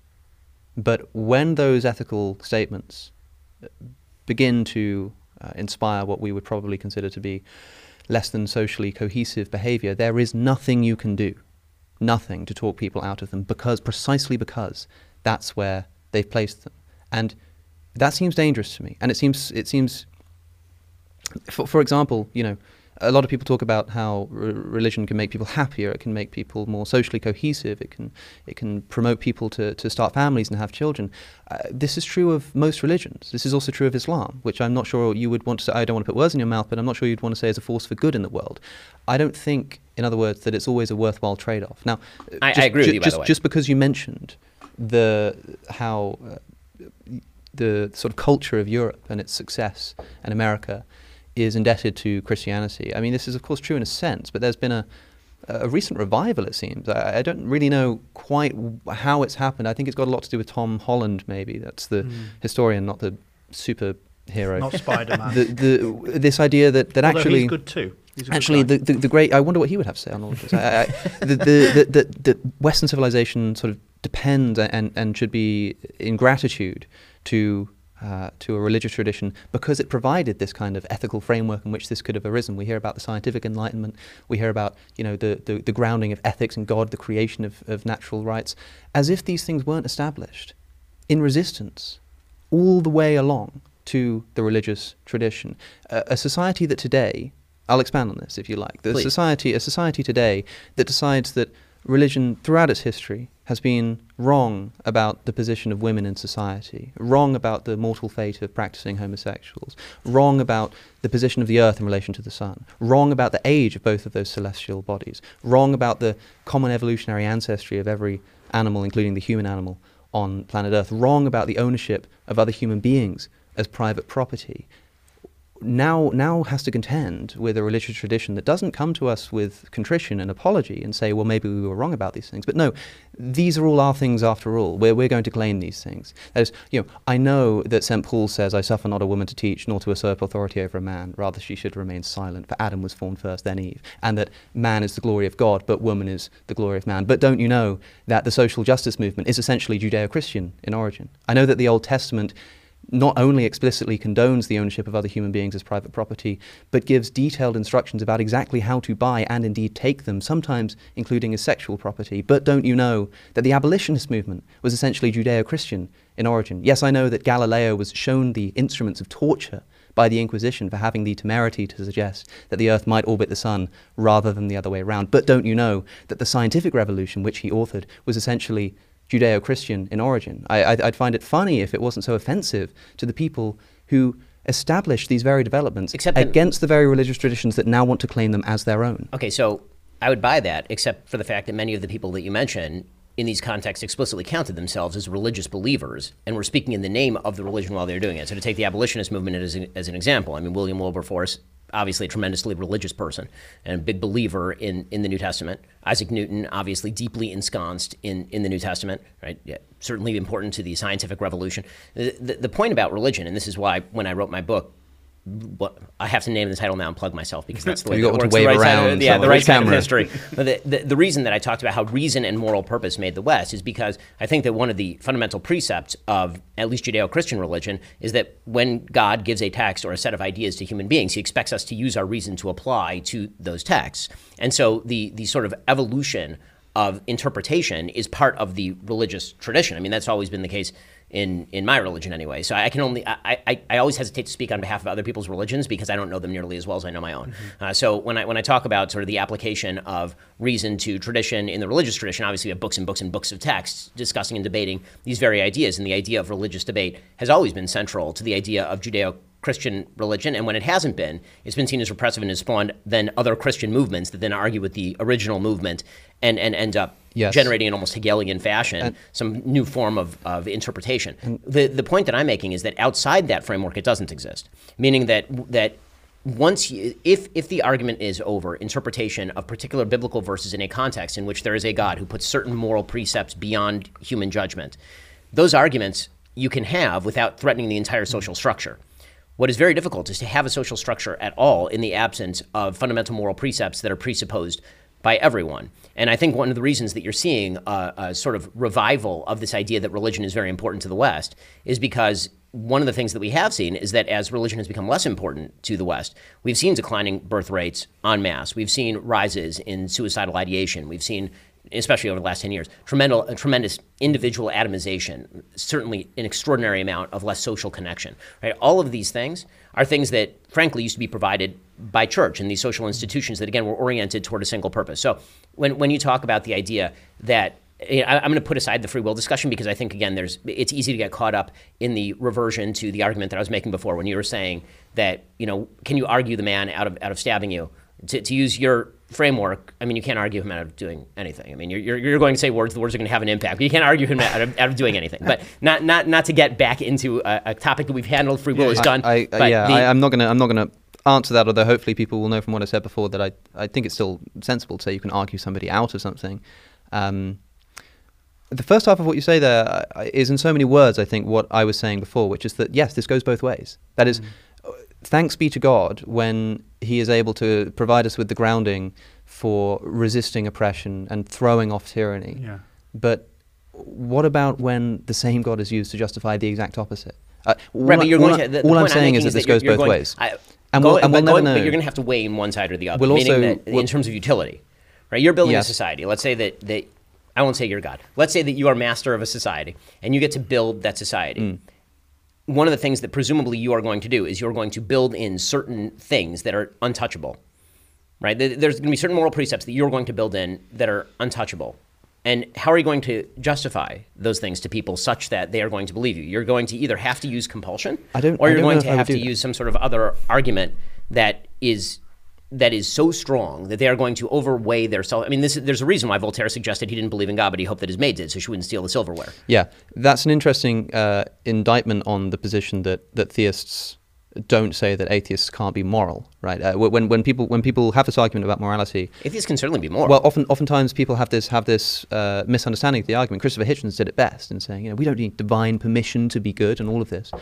Fine, but as you say, you don't need uh, you don't need to believe in God to be good, but you need to believe in God to to ground that goodness. But then when you have to, when you when you sort of casually throw in this this statement by Voltaire, I don't believe in God, but I hope that my maid does. Mm. That implies that actually maybe you do think that without the belief in God, somebody isn't no, I think that. Voltaire thought that he was good, meaning that Voltaire was, was, was, an atheist and thought that he was good. But his point was sort of back to the Straussian Platonic point. His, his point was that he hoped his maid believed in God because without that belief, she wouldn't be able she, to Right. So, so another, because again, when we're arguing on the basis of broad societal utility, one of the things, so I, I happen to be in the happy position of being able to argue that what I think is socially useful also happens to be true. Mm-hmm.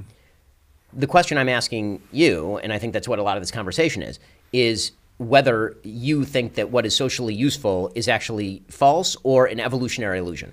And I think that, that that's kind of the position that you're taking, unless you want to mm. argue that generally speaking, religion is either not evolutionarily adaptive, which would be a hard position to actually take. Well, I think it must be, it, otherwise, it, otherwise it wouldn't exist. Or you would have to argue that it's even if it's adaptive, it's of no general benefit to to humankind and and or and or is an illusion, right? Yes. I mean, that, that's the position that you're taking. So one of the things that I'm enjoying about the conversation is that I don't think either of us are going to argue each other in anything, but it is clarifying what exactly the lines of the division are. Yes. To to backtrack a moment, um, because you said more than one thing in, in what I just responded to. You also mentioned.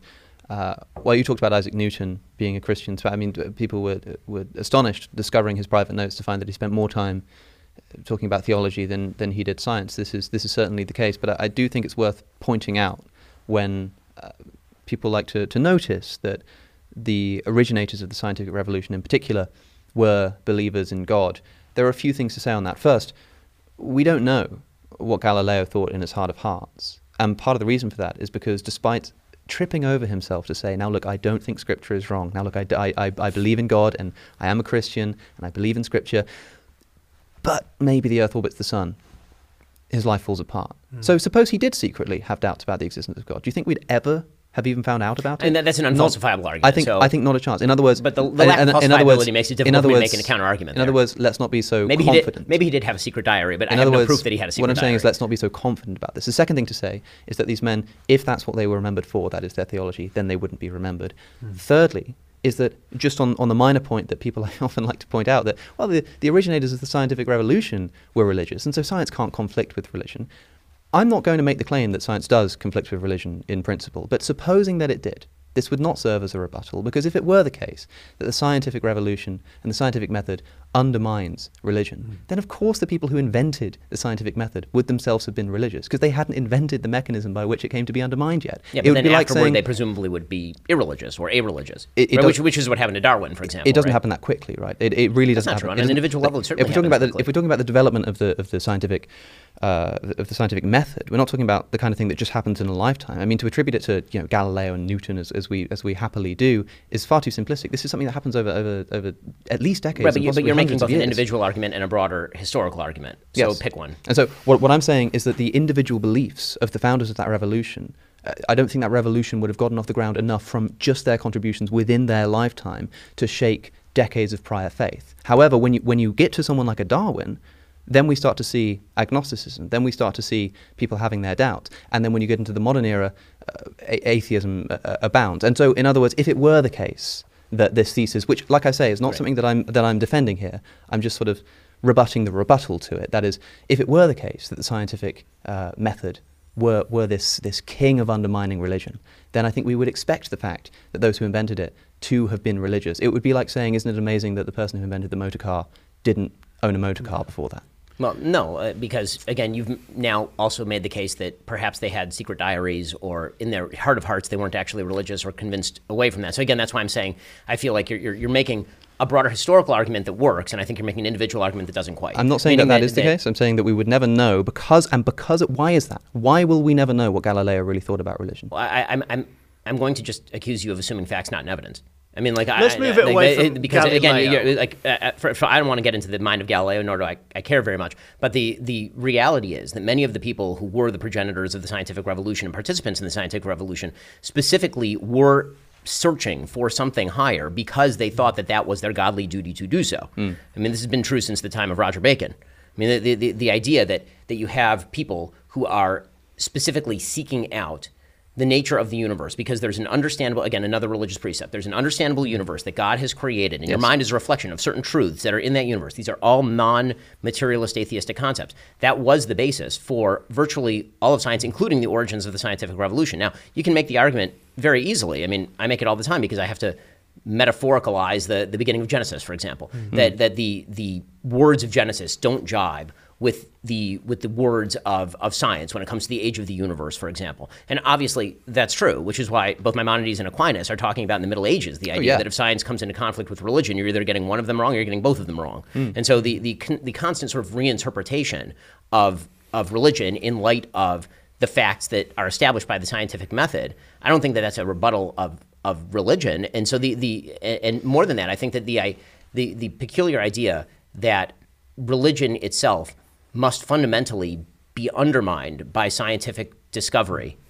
I, I don't see quite why. Well, I, I, I would agree with that. I'm just saying that, that the rebuttal that's presented to that opinion fairly commonly, I don't think works for the reasons that, I, that I've that I've said. Um, Okay, well let's let's have a li- give you both a little breather because we're going to go to uh, another break very uh, shortly. We fitted in so much, and um, I had all these questions, and I haven't asked any of them, uh, and I'm worried now that I'm going to be left unemployed. I, I, I, before we move on, I don't know if I can have uh, one final word on this on this Galileo point because I know it seems quite strange that I'm sort of hypothesizing in this way. But you said that when when religion and science come into conflict, either one is wrong or both is wrong. Galileo was was wrong about one of these things potentially. What happens i- if I mean you, you can? It's it's great talking about the utility of his religious belief and inspiring his scientific endeavor. But what happens when the immediate fruit of that is him discovering something which should have been a celebrated idea and instead was suppressed and he ends up under house, uh, house arrest in Tuscany for the rest of his life. Why? Specifically because the religious authorities, in their sentencing of Galileo, did not just say that he failed to prove it, did not just say that he was, you know, being a bit of a being a bit of an a-hole in, in his mm-hmm. approach to things, but said specifically because it is false, absurd, and contrary to, to scripture. That is why that scientific uh, position was suppressed on specifically religious motivations. And far be it for me to In defend the Catholic Church and its, and its crackdown goes on back- Galileo. Okay, You've come to the wrong place for that. okay, okay. It's time. Phew! It's time for another break. Here, you are watching, and listening to the big conversation from Premier Unbelievable. I am almost anonymous here, Andy Kind, but uh, my day will come, and I've been joined by Ben Shapiro and Alex O'Connor. We'll be talking about religion and society. Is religion good for society? So much more still to talk about. We'll see what we can uh, fit in. We will fit in as much as we can, but we'll be back after this short break. Enjoying the conversation? Tell us who persuaded you in our survey. And if you want more from today's conversation, then register to get early access to the next show.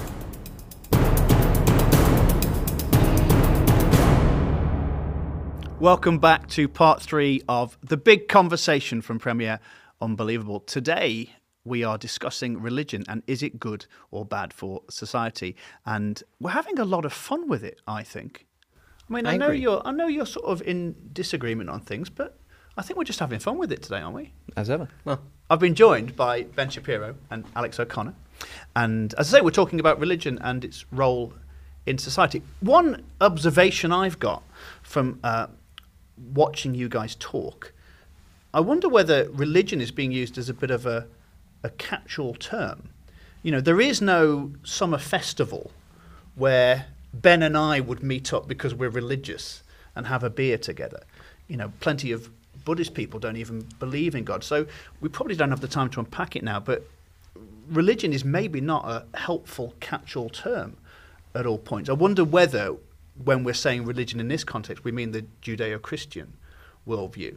But it's interesting, you know, I, as a, as, a, as a Christian, there's lots of things I agree with Ben on, some things I disagree on. Lots of things, as a, an Englishman, that I agree with Alex on, and, and other things that I wouldn't. Spelling. So, yes, spelling, abs- absolutely. It's aluminium. Uh, anyway, um, I just think that that's, that's interesting. I'm I'm not trying to start this theist gang and gang up on you, uh, Alex, Alex, at all. But um, yeah, what do you think quickly about about that? When we're talking about religion, do we need to be do we need to be more semantically sort of accurate? rigorous yeah i mean Yeah. yes i mean uh, uh, again i'm i'm not here to defend every form of religion under the sun there there are various forms of religion ranging from things that you know, people in judeo-christian tradition would consider pagan to judeo-christian monotheism uh, to the distinctions in Judaism and Christianity, which are substantial, obviously.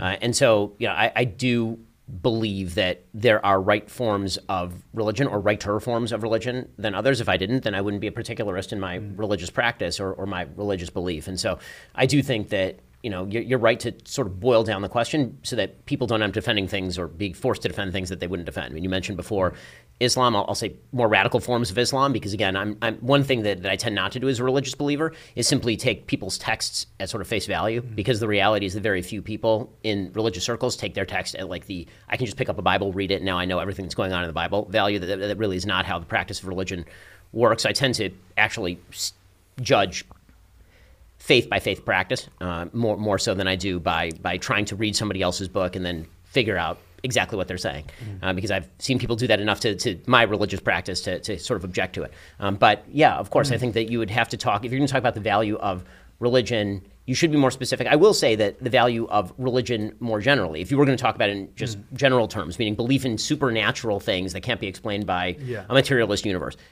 the social cohesion point would be the best case in favor of religion is that, mm-hmm. that virtually every study ever done has shown that social cohesion relies on a common orientation among people in order to build commonality between people. There are really only a few structures in, in mm-hmm. human history that do that. One is a kinship structure.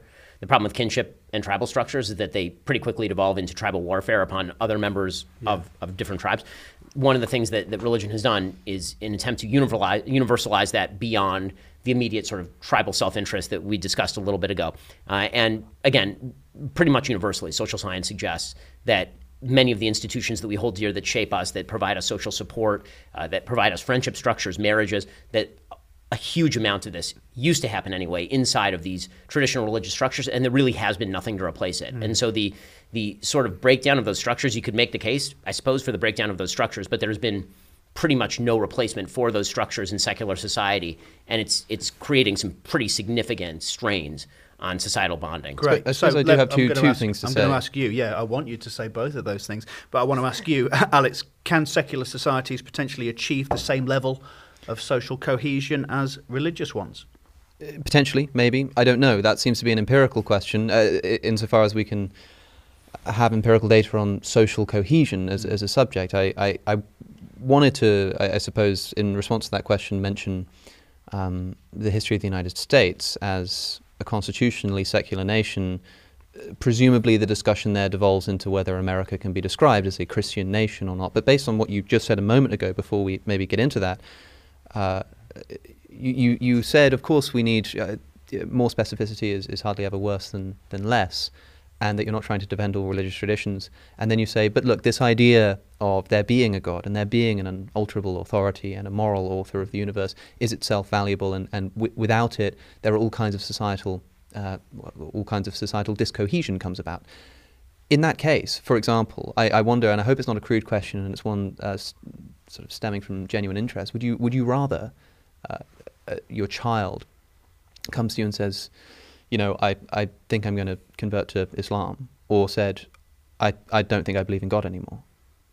As a Jew, I'm, I'm fairly indifferent on the question, meaning that my priority is for my child to remain a Jew, and Hmm. which direction they go from there is of is of much less interest to me than than staying inside the religious tradition that I believe is correct. Okay, maybe I should rephrase to say, uh, suppose that you know half of the U.S. population immediately, right now, and half of let's say the, let's say half of the Christian population. So it's not to do with Right. Judaism, and it's and and it's not to do with your own family. Half of the Christian population in the United States are immediately going to convert today to atheism if you press this button, or to Islam if you press this button. Which one? Which one would you press? So I'm going to ask for more specificity Sure. in line with the conversation. So which form of Islam are we talking about, and which form of atheism are we talking about? Because they come in various strains. But meaning like Uh-huh. the, if, if, if we're just starting from the premise of no God or Islamic God, that actually is not enough information. Because as I say, I'm not judging people Yes. based on their faith propositions nearly as much as I am based on their behavior, which I think they base on faith propositions. Well, so let's say this is the only thing that changes. Uh, you press this button, half the Christian population become convinced that there is no real God of the universe. Everything else is is is random. Whatever, whatever you might, because what we're discussing here is essentially what, what are the implications of such a worldview? Right. What, what are the implications of atheism, which is just the disbelief uh, in God or the belief that there do people have memories? Uh, Sorry, in this in this hypothetical, do people have memories or they don't have memories? Because this this makes a difference. They, yeah, they have memories. Okay, fine. So then, then probably in the West, atheism, as opposed to a more radical form of Islam. That's why I was asking for specificity. Well, the, the, because the, they're the, more the moderate button on the right hand side was going to be that they just become convinced that Muhammad is, is the final prophet of God. Right, That's it. and, and again, I was going to ask for more specificity on that because I know many moderate Muslims who are not radical in the implication of their faith, as opposed to some who very much are quite radical Mm-hmm. in the implications of their faith. So, uh, but let's, if you don't mind, I, I'm I'm going to set up your hypothetical in a way that I think is more clarifying for me anyway, uh, and that is version button on the right is radical Islam, like Taliban style Islam. Okay. And button on the left is don't believe in God. Uh, well, I mean, you can do that. I, I- No, the I- reason I'm doing that is because that elucidates that that elucidates a difference that I think is being obscured by the simple sort of belief in God, not belief in God question. Meaning that the cultural heritage of that, that's why I asked if people have memories or people don't have memories. Mm-hmm. Uh, if people have memories, then that looks very much like secular Europe right now, which does have The cultural heritage in the bloodstream a lot of. Judeo-Christian values in a way that, that Yes. would not be true if you were without memory. Right? Would I rather that a child found in a forest be raised in a moderate Muslim household or be raised in a secular communist household? or a secular atheist household, if I may say.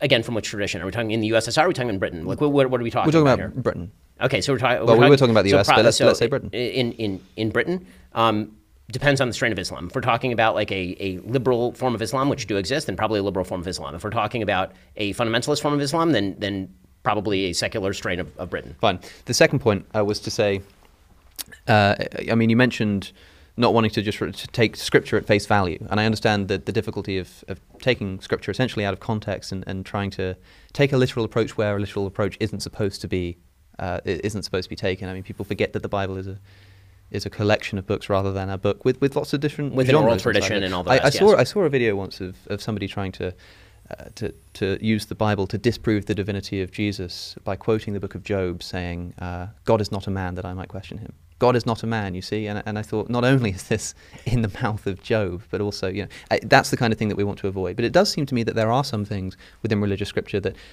do need to be taken uh, seriously and do need to be taken essentially at face value. Uh, that is, some of the some of the very specific legalistic commandments of the Old Testament, for example, or, or of the, the Hebrew Bible, I should say. Th- these are not. Uh, when people list these and say that these are potentially morally problematic and, and may have done something towards hindering, for example, like I mentioned earlier, the abolition of slavery in the United States. Of course, there was a great deal of religious influence on both sides, as, as which is something that I've already mentioned. But don't you think that this problem could have been solved a lot more easily if there had been a stronger religious tradition of opposition to the ownership of other human beings. Why can't that have been the case? Okay, because so- Scripture quite explicitly condones it. Right, and, so- and, and, and, in fact gives you the details of how to do Yes, it. That- so- that- that's something that couldn't have been done, in other words, because This is fun you've for me. taken Now I this, get to do Talmudic law. So this moral so here's the- principle that's placed outside of, of, uh, of re- uh, meaningful debate. Right. I- w- before we move on, can I ask, where are we getting these buttons from? Are they from Amazon? You know, the, you press one and everyone's an atheist. There's this wonderful thing Are that these that- available on the market. that I think you both need to use uh, in, in, in this conversation, which is imagination. Oh right. so let's uh, so uh, as far as why didn't the bible prescribe the perfect world as i would see it or as you might see it and the answer is because two two reasons one as stated right up top i'm not god i assume he has different logic than i do two the bible is in an inherently problematic position in the sense that on the one hand it's trying to divulge important truths for all time at the same time it's talking to a people of a particular time Yes. and this is this is a well-worn tradition inside Judaism. So to take the slavery example, there is no mandate to hold slaves in the Bible. Right? There are lots of mandates in the Bible. Many, many mandates. There's 613 of them according to my religion, right? That's why I do all these weird things that I do. Um, but the but one of those mandates is not to hold slaves. Right? And so the idea of there was a society that existed at the time of the Bible in which slaveholding was not only ubiquitous, it was universal, and which was true for virtually all of human history. That's right. And could be justified not just in terms of religious scripture, but in terms of Aristotelian thought. Right? I mean, the, Yes, the, the, the great philosophers we like to cite in the in sometimes in the secular tradition are big fans of slavery, and that's true virtually up until the 18th century. Yes. Uh, so the idea would be is this verse attempting to woo people away from a tradition of slavery or to humanize the slaves? Or is it attempting to reinforce that by making it harsher and more difficult? And that's why actually one of the things I enjoy doing in, in terms of how I study the Bible, for example, is I like to look at contemporaneous religious texts of the time. So I like to study the Bible alongside, for example, Hammurabi's Code. And it's really interesting to notice the differences and where the Bible is liberalizing Hammurabi's Code, for Yes, example. absolutely. And so the and so the idea that a divine revelation has to be has to be given to human beings who are capable of following that in the time. Again, that, that's part of the difficulty of of I think rebutting religion in a certain sense because again, it seems wiggly, but it really isn't in the sense that if you believe, as I do, in a God who spoke to human beings in some form or fashion and has to speak to them on a level that they can understand, in ways they can understand, hmm. then that immediately is going to discount the ability to do a lot of very radical things that have that would have appeared radical in 1200 BC, but now appear to be commonplace for us. Yes, I understand this argument, and I, I've heard it many times. I must say that it seems strange to me that God does seem willing to completely and utterly condemn uh, a bunch of other practices, including, by the way, imaginary crimes like witchcraft, just done away with entirely. And even if it is the case that God, for some reason, couldn't just say, couldn't even hint at the idea that maybe eventually we should be moving towards the abolition of the idea of owning human beings as private property, he just he to condone at it, but- but I, yes. I still think it's the case that he would not permit a flat immorality, and I think you would agree with that too. And so when I when I open the Old Testament uh, or the Hebrew Bible, and, and when I look at the texts saying that uh, you, you if you lay siege to a city, you can you can kill if if the Lord delivers it into your hand, you can kill the men and the women, uh, but keep or you can kill the men and keep the women and the children and the and the and the livestock as plunder, as Deuteronomy says, and and uh, the, in the very next verse, uh, sorry, the very next chapter says that, you know, if um, if you see a good-looking woman, and, and I'm not I'm not interjecting that. If if somebody finds an attractive woman, Yes, if yefat to'ar is the actual Hebrew. Yeah. then then they can take them for themselves, and if they want them as their wives, and they they take them home, they shave their head, they cut off their fingernails, they give them 30 days to mourn Mm-hmm. their old husband, who you may very well have just killed, and then you can take them as your wife. When Numbers 31 has Moses instruct the, the slaughter of the Midianites, saying, "Kill all the men, and this time the women get killed too, but not the women who haven't slept with a man." And why might that be? And it says that you know keep them for yourselves. And uh, I, I, hear all the time that this is some kind of liberalizing process. Maybe it's because you know these these people wouldn't survive on their own. it's some kind of protective measure to make sure that you're you're looking after them. If that's the case, then why does it only apply to the virgins? That seems a little bit suspect to me. You know, in in uh, it, it's sort of uh, scripture is littered with these with these kinds of with these kinds of well again so to, to, go back to the sort of oral tradition nature and i don't think god would, would permit a, a, a, proactive immorality even if he can't for some reason abolish the practice altogether if you well, see what i'm I saying mean the well no that last point i don't see so the, the when, when you say even if he can't abolish the practice altogether well which already no, I, I mean, think he would be able to do. Uh, right. So, the, so the, the, question is whether he can or whether he can't. If he can't abolish the practice, then the idea of wooing people away from a particular type of sin through a through a gradualistic process is known throughout societies across human history. I mean, the gradualistic processes are the way that, that most things get done across human history. And by the way, the, the, the universal practice, unfortunately, up till today in many places in the world, is in fact the extreme version of what you're talking about raze everything, kill everyone. Right? That, that sort of stuff, unfortunately, does take place. Even on planet Earth, even in the year 2023. And so the idea of a culture arising from the Bible that not only abolished slavery on its own shores, but then abolished slavery literally everywhere else, which is what Great Britain did, that again to, to, separate that off from a tradition that also says that every human being is made in the image of God, right, which is the verse from Genesis, or or that you have to treat the stranger well, right, which is repeated more than any injunction in the Bible, right? There, there are these these traditions that are that are at war with each other inside the Bible, which is why there is this hotly fought kind of argument inside biblical circles about all this stuff, which again is one of the reasons why I said right up top that when it gets to I can't just open the Bible and interpret the text as I would see fit. You say, well, I, I, don't like this verse right here. Contradictory. I'm, what was that? You, you say that Scripture is contradictory. Well, I say that that Scripture is some some Scripture is time bound and some Scripture is not.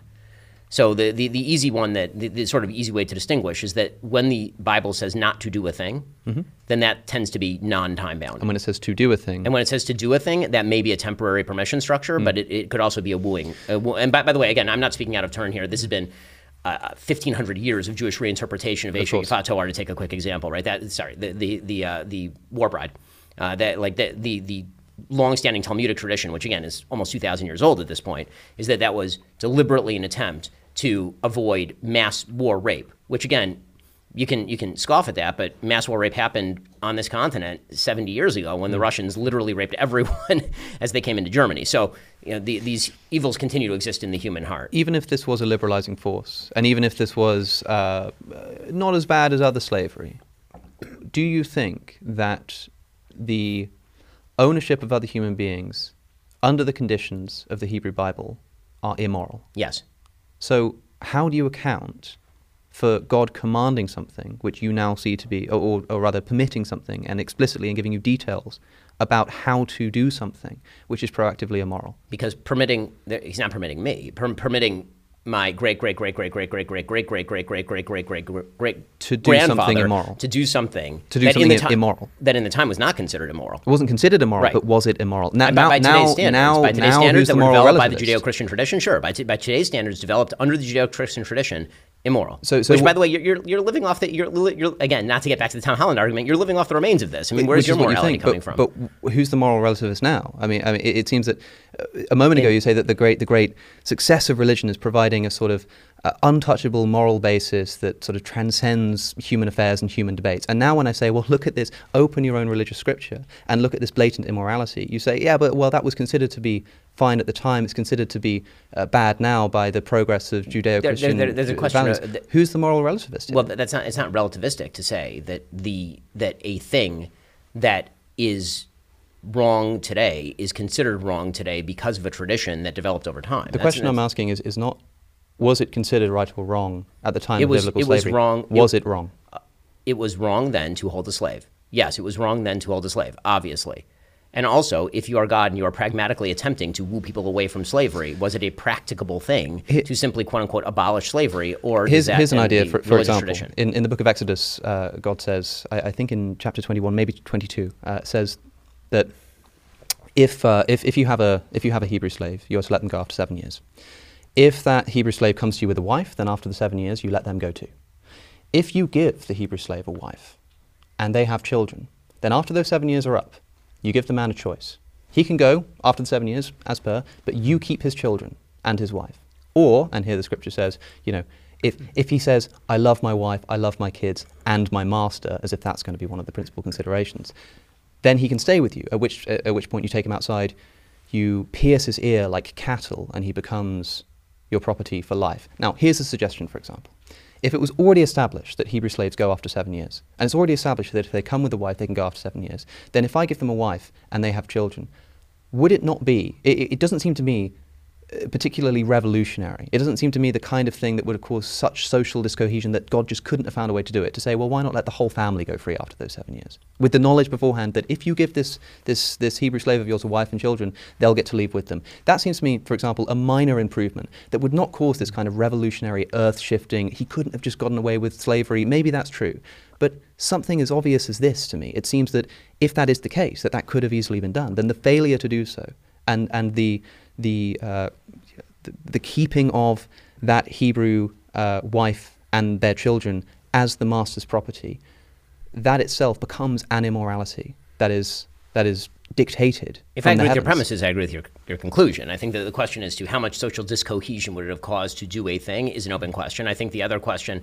that, that sort of remains open here is the, the incentive structure as to whether you accept a wife from your master. Right, so the, the, the, I don't want to get into the abstruse. I mean, we can do this we literally to- all day. we and, need and to there- step from the there's- past into I the mean, there, there's future 70 anyway, volumes so- of the Talmud that are literally about this sort of stuff, and then copious writings in terms of reinterpretation. Yeah, of we're hardly the. We first can- people to talk we- about yeah, this. exactly. Yeah. This is not the first time these questions have come up, um, and but I think the, the general point is is sort of one where either we can dive into that full time and we, and you can spend your life becoming a rabbi, which you know. Enjoy. happen. Could Uh, it happen. could, could you, Never you say have, you never. have the beard for it. It's it, your, your beard is further along than mine. Uh, or or we can sort of you know stipulate at the top that there are certain biblical interpretations that are abstruse and difficult. Yeah. And that that has been a reality of religious life since the beginning. Well, I can which- agree with that. That, so that's, we need to certainly true. step. We need to step from the past into uh, the future through this uh, conversational portal that we've got available to us. Um, obviously, everyone at this table would agree that holding a slave is wrong. In the same way that the man you kept talking about, who you thought was coming to kill you, we would all agree that that's a problematic thing.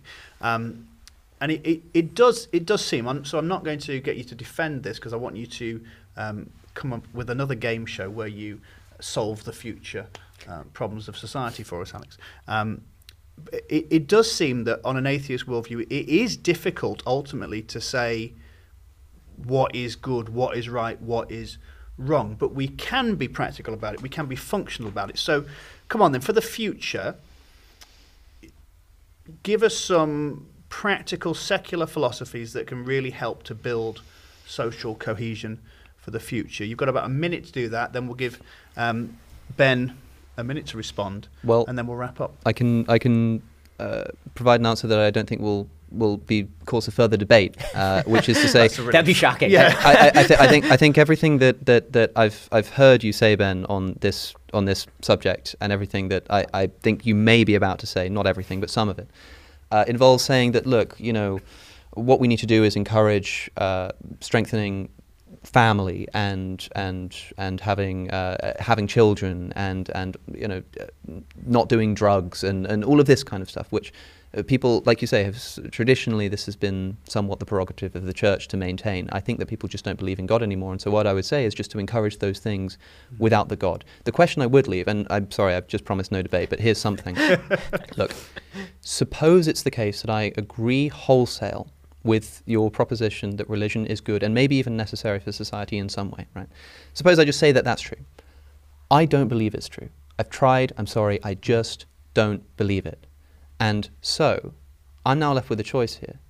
I don't think it's true, but I become convinced that it's somehow useful or beneficial. What am I to do with this information? Am I, you can't just choose to believe in God. People say you can choose to act as though you believe in God. That's kind of true until something really testing comes along. If you don't Yeah. really believe it in your heart, Yeah. you will falter at the first opportunity. How am I to raise my children? Am I to lie to them? Am I to say, well, I don't believe in any of this nonsense, but because I think it, you know, promotes a, a, a sort of non-replacement, um, uh, you know, um, birth rate, then I'm, I'm just going to bring them up believing things that I think are false. Yeah. I, I don't think this can this can happen. It's amazing how quickly ostensible deontologists transform before our very eyes into utilitarians on this question that outgo the idea of being, you know, truthful and being honest and, and talking about things that you think are philosophically sound. Now it's it's it's essentially faith based and it's about trying to make as many people uh, you know the, the, the greatest good for the greatest number across society and societal cohesion, even if you think it's false. In other words, me, I'm someone who is an atheist. I don't believe it's true. If I just grant everything you've said about the the, the